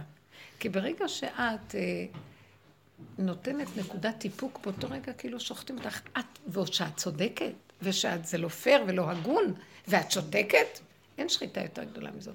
באותו רגע את צריכה לדעת שלא יהיה מה שנקרא שחיטה לחינם. תיכנסי בתודעה, תיכנסי, תיכנסי. הרגשתי שאני נכנסת בתוך העייפות, בתוך הנפש. הם לא מציאות, אני רואה את, ה, את הפשוט שלי לרצות ואני לא יכולה לצאת ממנה. לא יכולה, ואמרתי לו, ככל שאני יותר בעבודה, הוא תוקע אותי, מה שפעם יכולתי להגיד את הלא ולעשות דברים, כאן הוא לא נותן לי. אני יותר נכנסת, הוא רוצה ממני משהו אחר, תסכימי, תמותי לתוך זה, תפרקי, תכנעי אליי, תתני לי, בכלל תהליכים הפוכים מעץ הדת. תגידי משהו, תעשי משהו, תוציאי משהו. הוא רוצה ממני, מאיתנו, בסוף הדקות, תעבירי לו את כל התהליך. שם הוא ממלא אותך מחדש. זה משהו מאוד עדין ודק. בשיעור האחרון על איזו אישה אחת שאני חייבת לה כסף, והיא פתאום פנתה אליי. כן. אני לא. כן. תספרי את זה עוד פעם, כי היא רוצה לשמוע. לחדד את הנקודת מעבר שאת מדברת עליה, כי מה שאת אומרת אני מתחברת, אני עושה, אבל אה, אני מרגישה שכל היום, במהלך היום, ברגע, ברגע שקורה לי מה שקורה לי, האירוע, הלחץ, החשש, אני מעלה את זה, אבל אה, אני ממשיכה ללכת וקופצים לי דמיונות של אה, תמונה שפתאום בית משפט, תמונה פתאום של משהו, וזה בא רק בעקבות איום. עכשיו היום פתחתי את האימייל שלי וקיבלתי ממנה מכתב. בהודעות האחרונות בינינו לא הסתתרתי, לא כלום. ניסיתי לגייס את הכסף, אמרתי לה שלא הצלחתי. היא לא רצתה לחכות יותר, אמרה לי אנחנו הולכות למשפט, אמרתי בסדר, זה רצון השם, אני אעשה, ועבדתי שם, עשיתי את העבודה, אמרתי להשם, אני לא, לא עומדת בזה, זאת אומרת, אני לא, זה שלך, מה שיהיה, אני אסתדר, אני מאמינה בך, אני מאמינה שיהיה בסדר. וככה היה.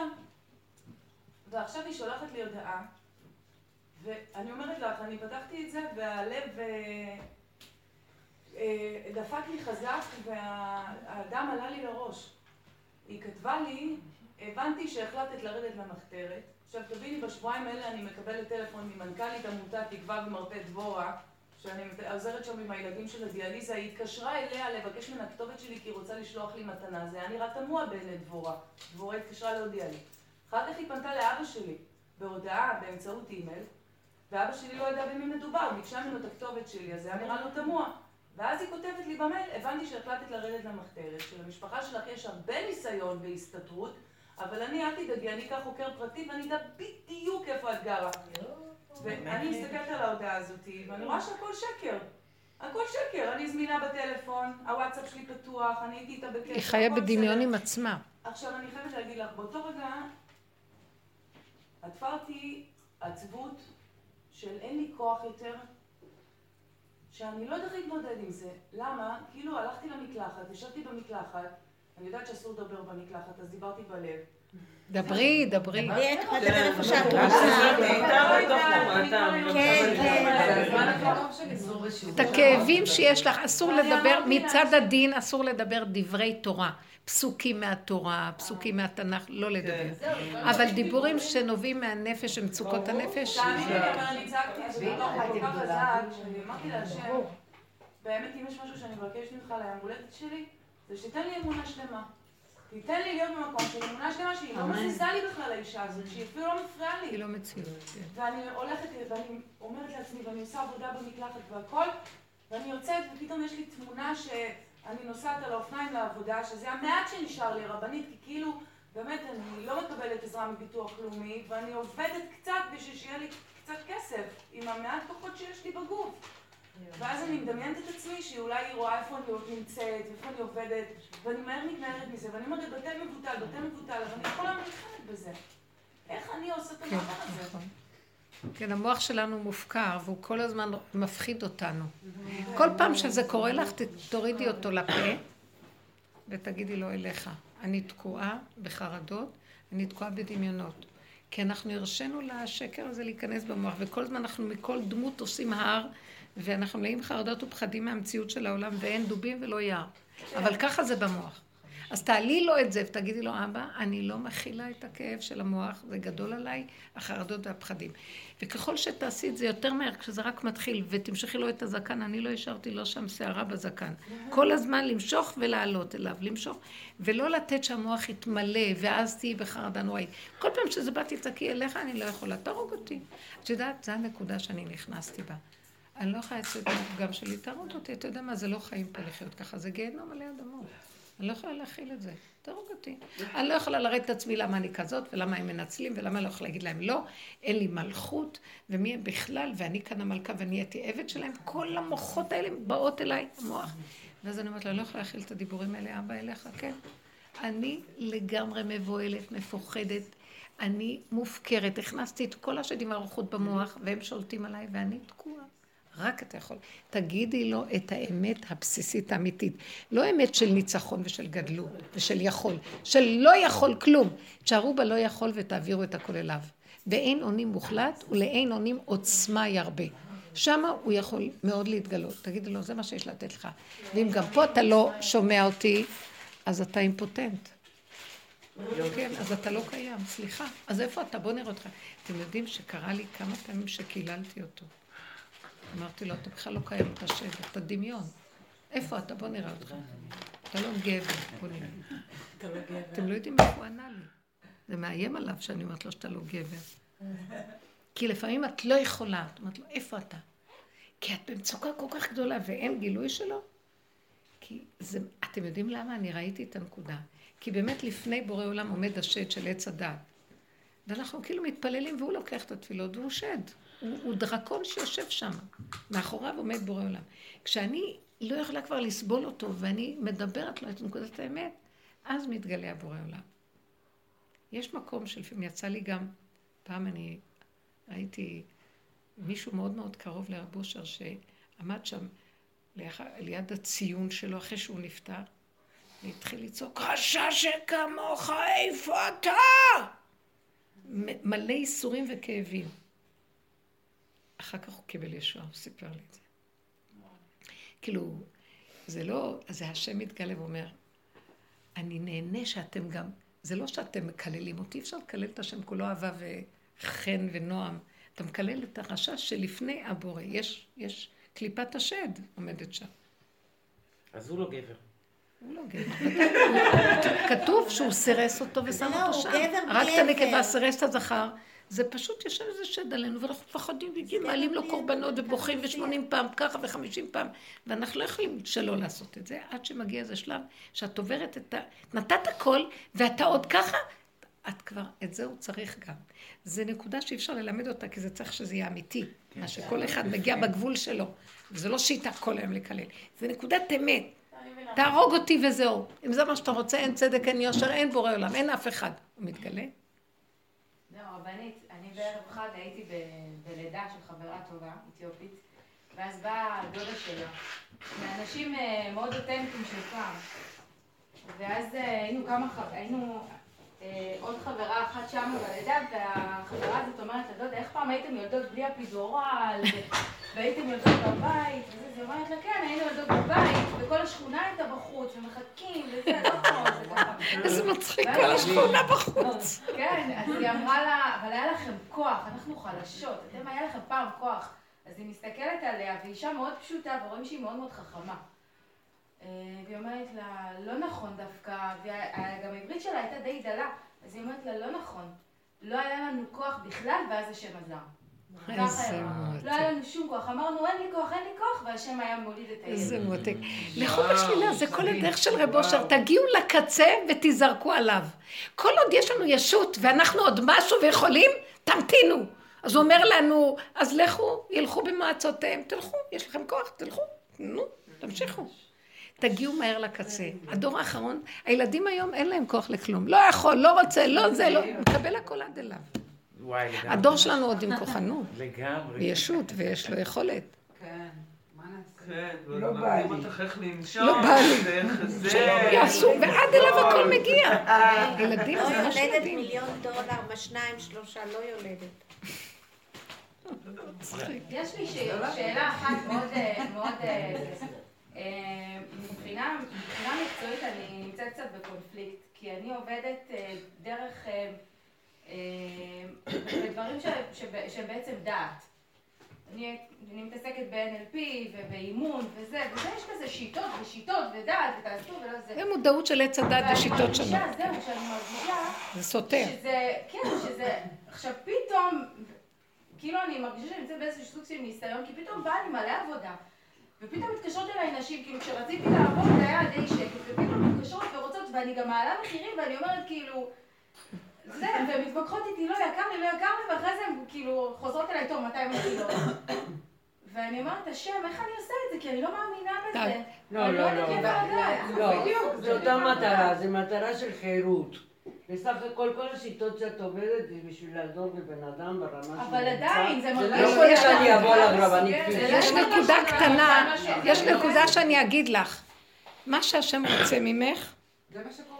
שהן באות לשיטה הזאת, את תגנבי אותם לתוך השיטה הזאת. תתחילו, הוא מלמד אותך את הדרך הזאת, תתחילי, יש לך כותרת, תעודה, כאילו משהו, אז קחי את זה ותעבירי את זה. לא צריכה להגיד להם מה את עושה.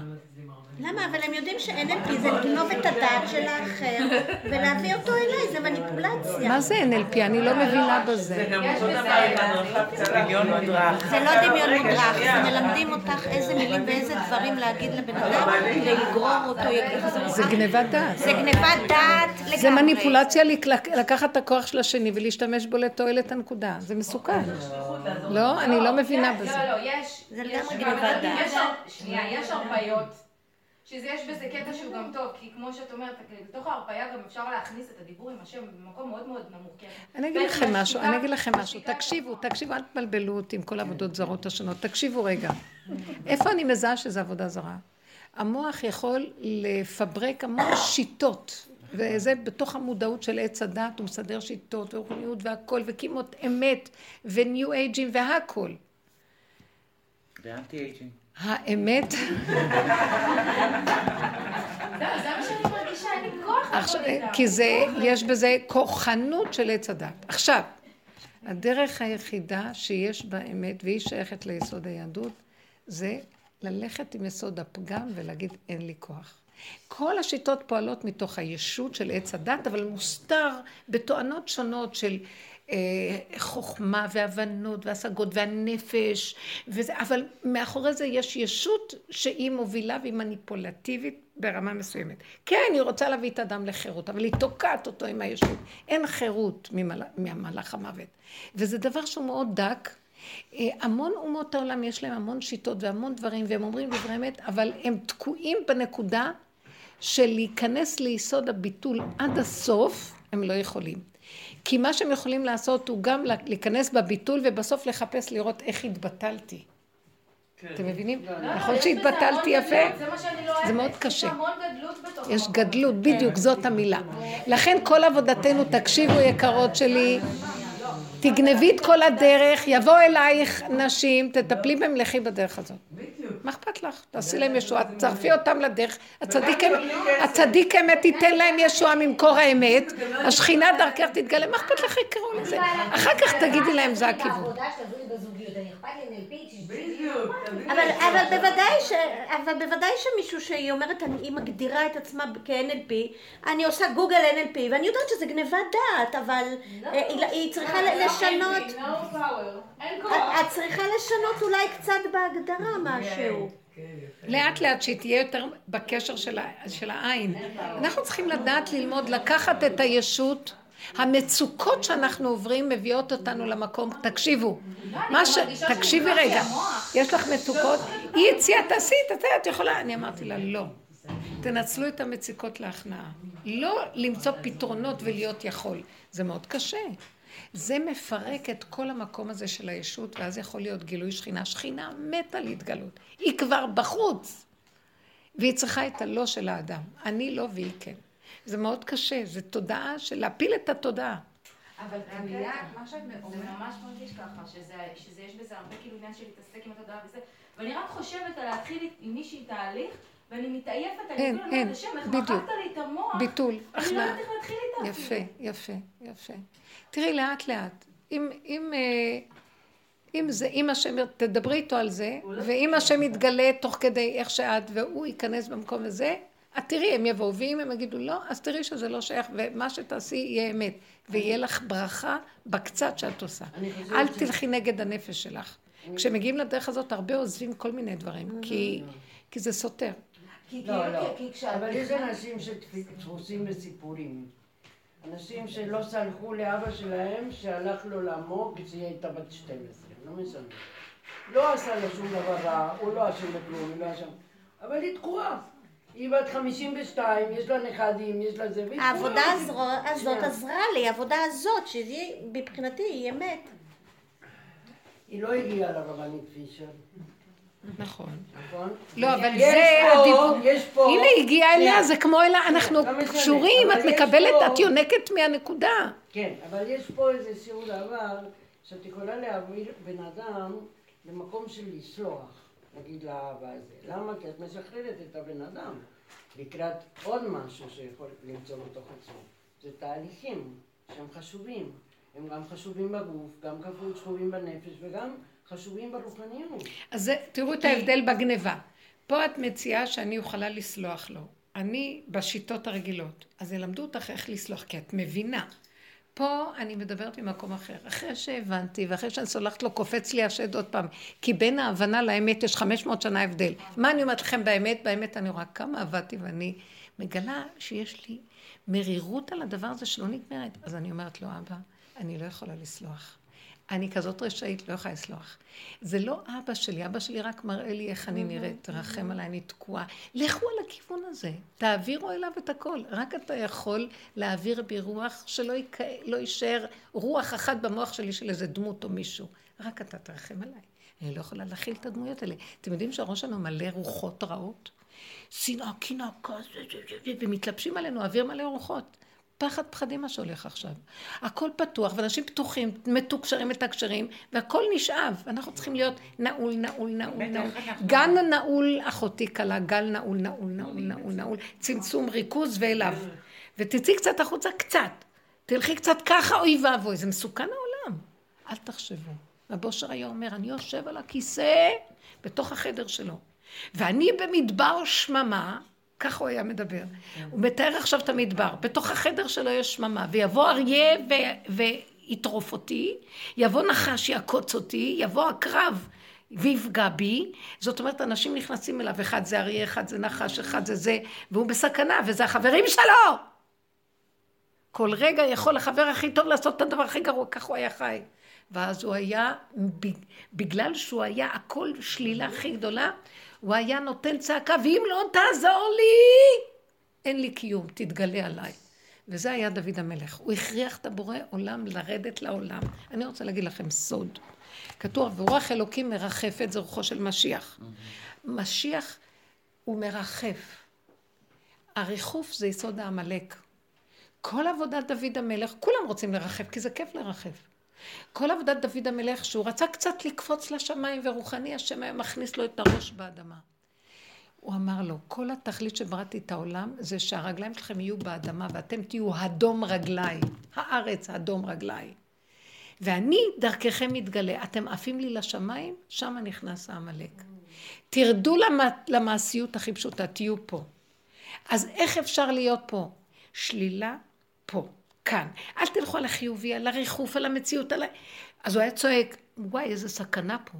הוא היה מגדיל את הסכנה על מנת שאתה חייב לרדת, מכריח את הרוח המרחפת להיכנס לתוך מציאות הגוף. אז משיח פה!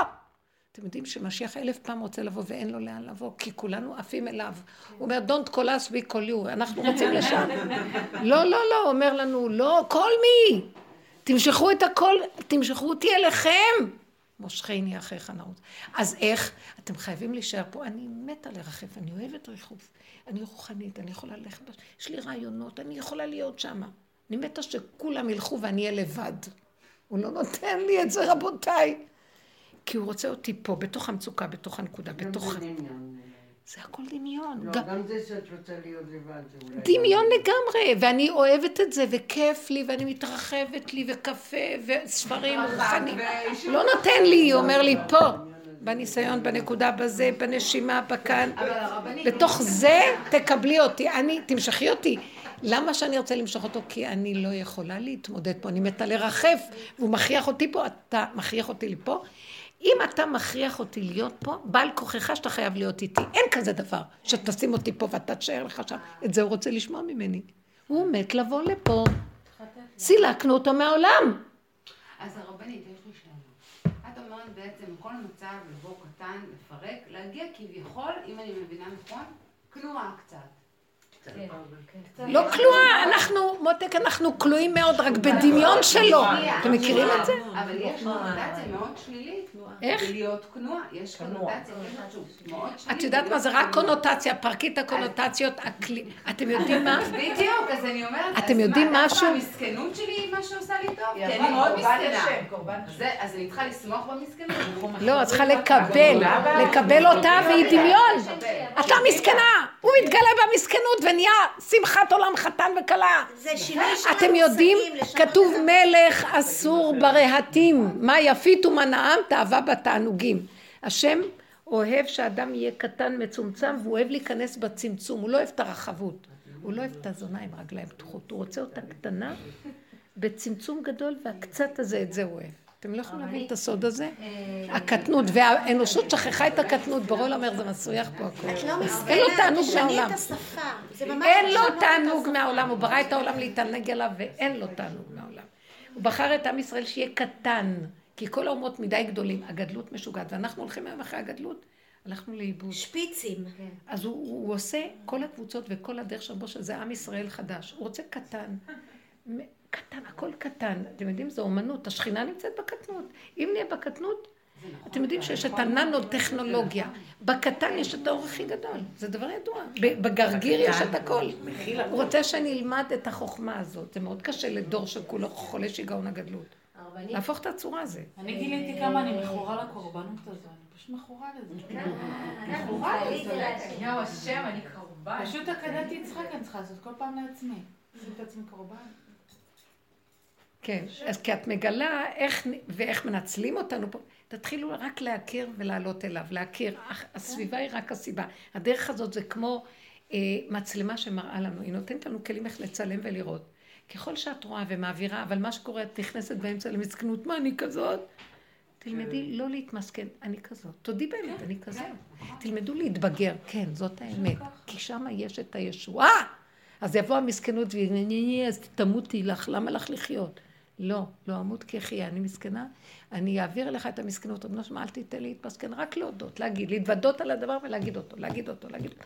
מתחילים להיות אנשים ממוקדים, קונקרטיים, כאן ועכשיו, ולא בתרדמת וריחוף, המשיח יורד. אנחנו נכריח אותו להתגלות, הוא כבר מתגלה. אם הולכים ככה. אה, באמת, כן, ברור, אה, ברור. זה ברור שהאדמה רועדת והוא כאן. לא מקבלים אותו בשכל של העולם, אבל אלה שעובדים רואים. רואים ממש, יש כאן שינויים מאוד חזקים. כן. רציתי גם אה, לשתף שאני חזרתי מחופשת לידה לעבודה, וזה היה לי תהליך מאוד קשה, כי לפני ש... כי אני עובדת במשך עשר שנים בחברת ביטוח, ועבדתי בחברה קטנה, והיה לי את המקום שלי, ואת ו- ואת הוותק, ואת האני ואני ואני. ואז אה, באה החברה הגדולה וטרפה את החברה הקטנה, ו... ואתה לשורנה דאחה לגדיא דשתא למאיה. אז בא מלאך המוות. אחרון הרקיקים בחברה, זו חברת ביטוח מאוד גדולה, ונהייתי כאילו פועל קטן שצריך ללמוד הכל מאפס, קטן, בסדר, תודה לאלה לי את הלידה, וזה, יצאתי, זרמתי כאילו וזה, ועכשיו הייתי צריכה לחזור. ועוד פעם ללמוד את הכל מחדש והכל זה, וזה תהליך מאוד מאוד מאוד קשה. בעצם כאילו כל הניסיון שלי וכל מה שהיה לי וכל מה שידעתי, הכל כאילו נטרף ולהתחיל ללמוד מחדש. ובסדר, אין ברירה, מנסים ללמוד ומה שאפשר.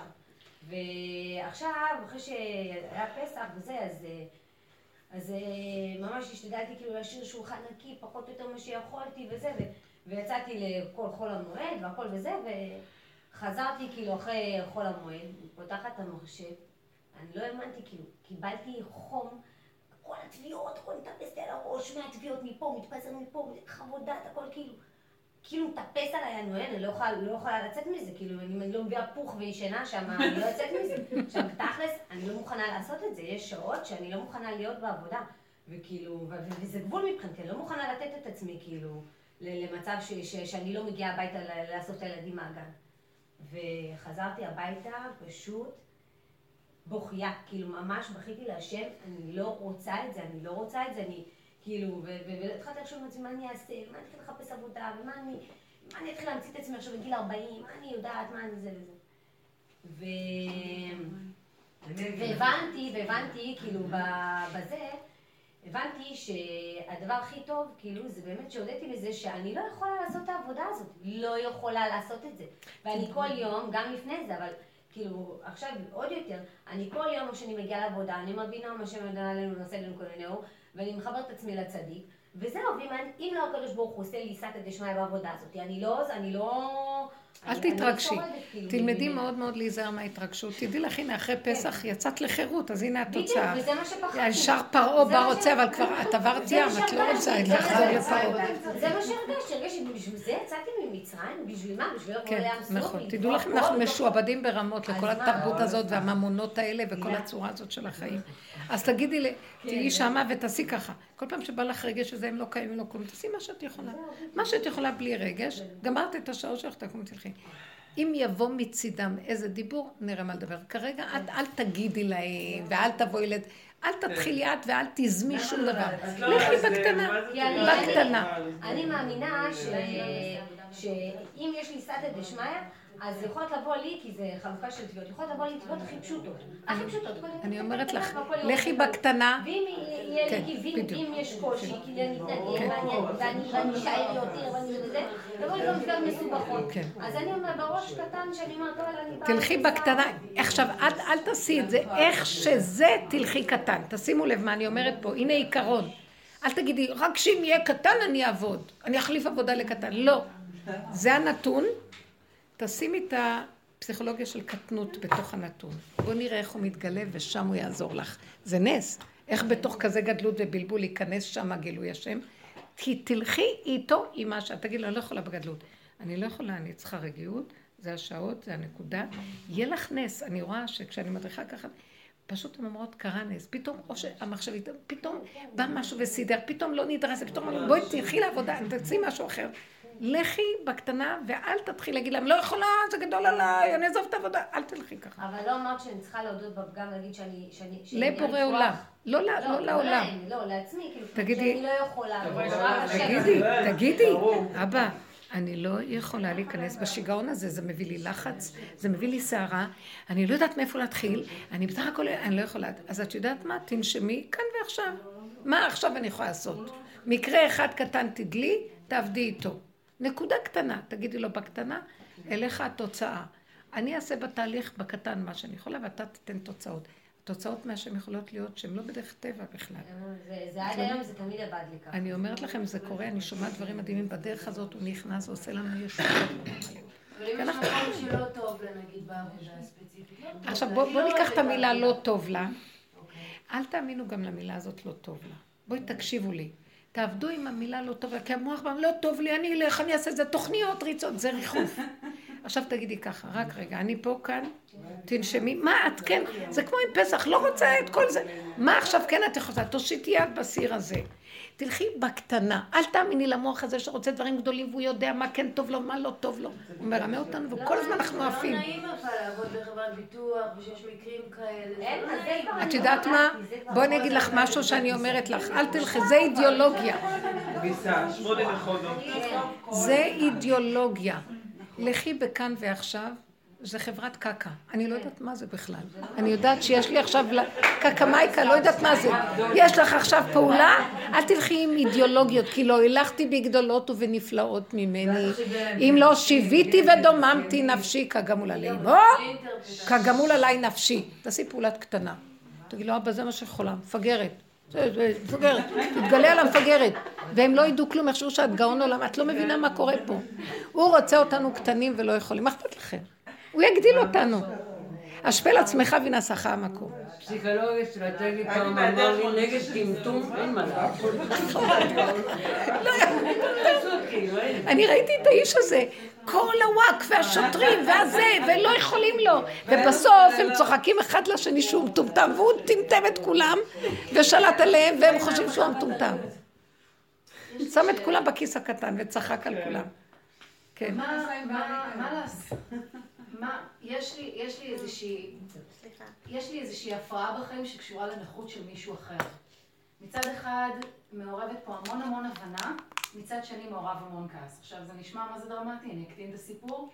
אני גרה בדירה מחולקת עם שכן שהוא כבד, כבד שמיעה, מאוד רועש, אין לו רגישות לרעש שהוא סביבו, ואני שומעת יש פקקי שעבר. עכשיו מצד, לא, לא, זה לא בשלב הזה, אבל... אה,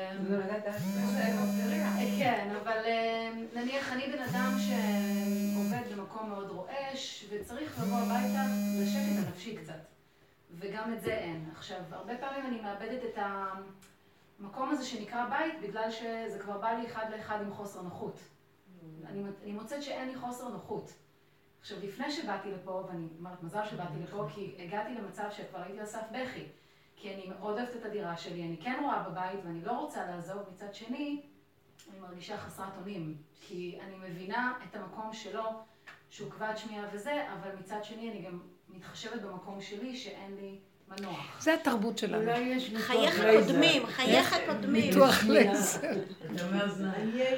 יש עיניים אתם מאוזניים. אני רואה טלוויזיה, אני שומעת אותו מדבר בטלפון בקולי קולות. עכשיו. הוא עושה עבודת קודש. הוא עובד עם אנשים שהם לא בריאים בנפשם, הוא עוזר להם להתמודד עם החיים, אז זה גם כרוך בלדבר הרבה הרבה בטלפון. שיעזור גם לך. בדיוק.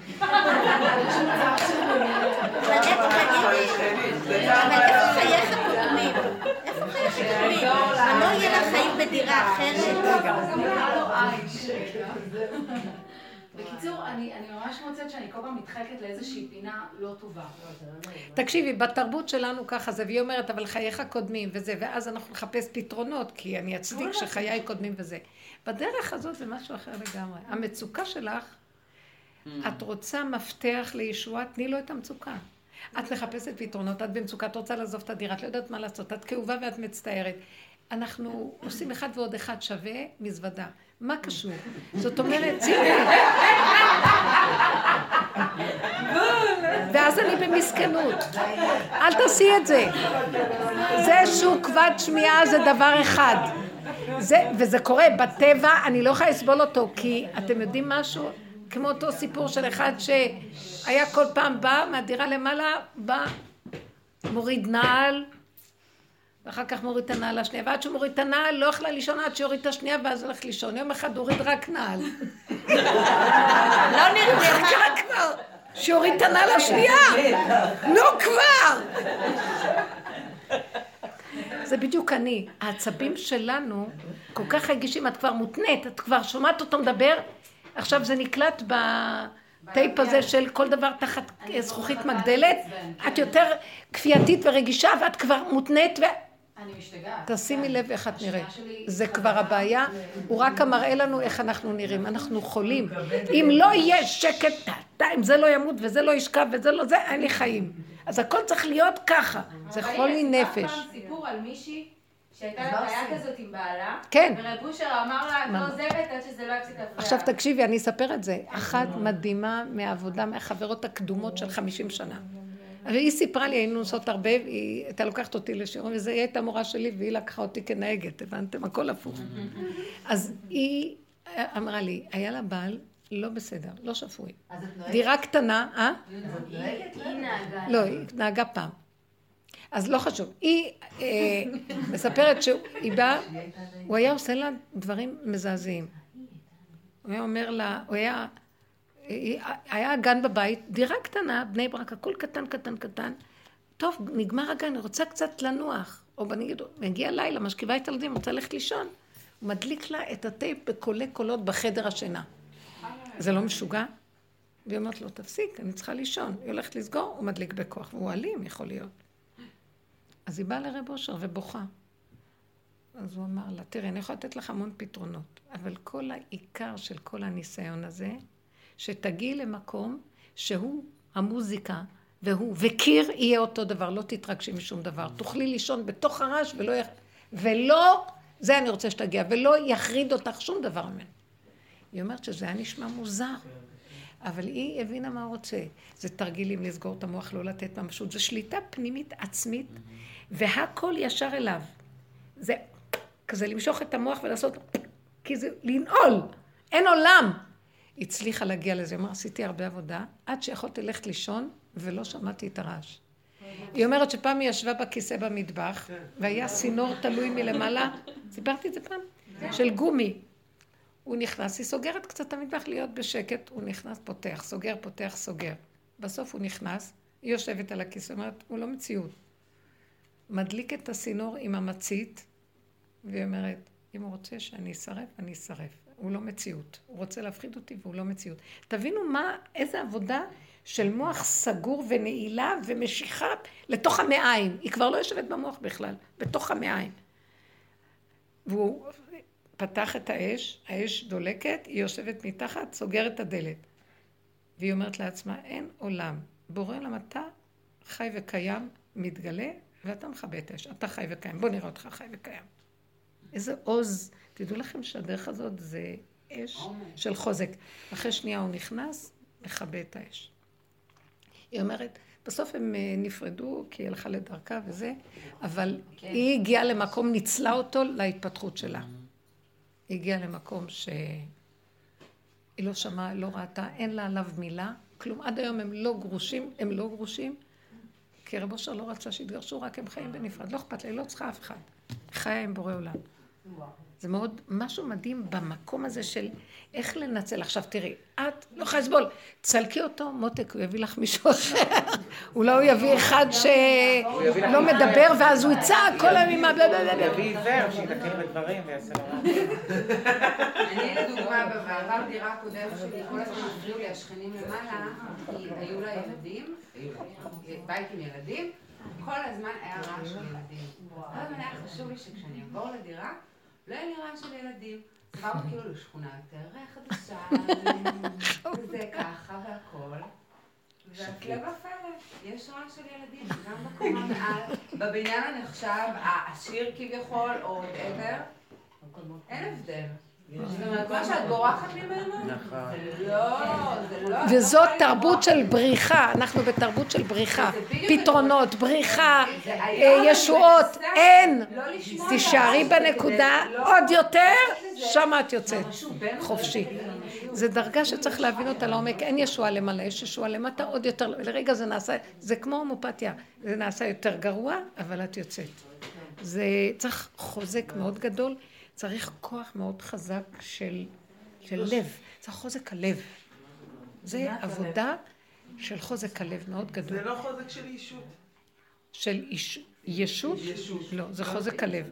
ישות זה הבלבולים, ישות זה הכעס, ישות זה הפתרונות, ישות זה אני אראה לו. כאן זה, זה לקבור את הישות בתוך אין לי ברירה. כי הישות רוצה פתרונות, היא רוצה לשלוט, היא רוצה שהיא תהרוג את כולם בשביל הנקודה שלה. פה אין לך שליטה, מותק. זה מה יש, תסכימי עם הקיים, תיכנסי פנימה, תתני את הצעקות של המצוקות לבורא עולם. אבא, אליך, אתה חייב להתגלות. תדעו לכם, הדרך הזאת זה להכריח אותו להתגלות. קבלו את הדבר הזה.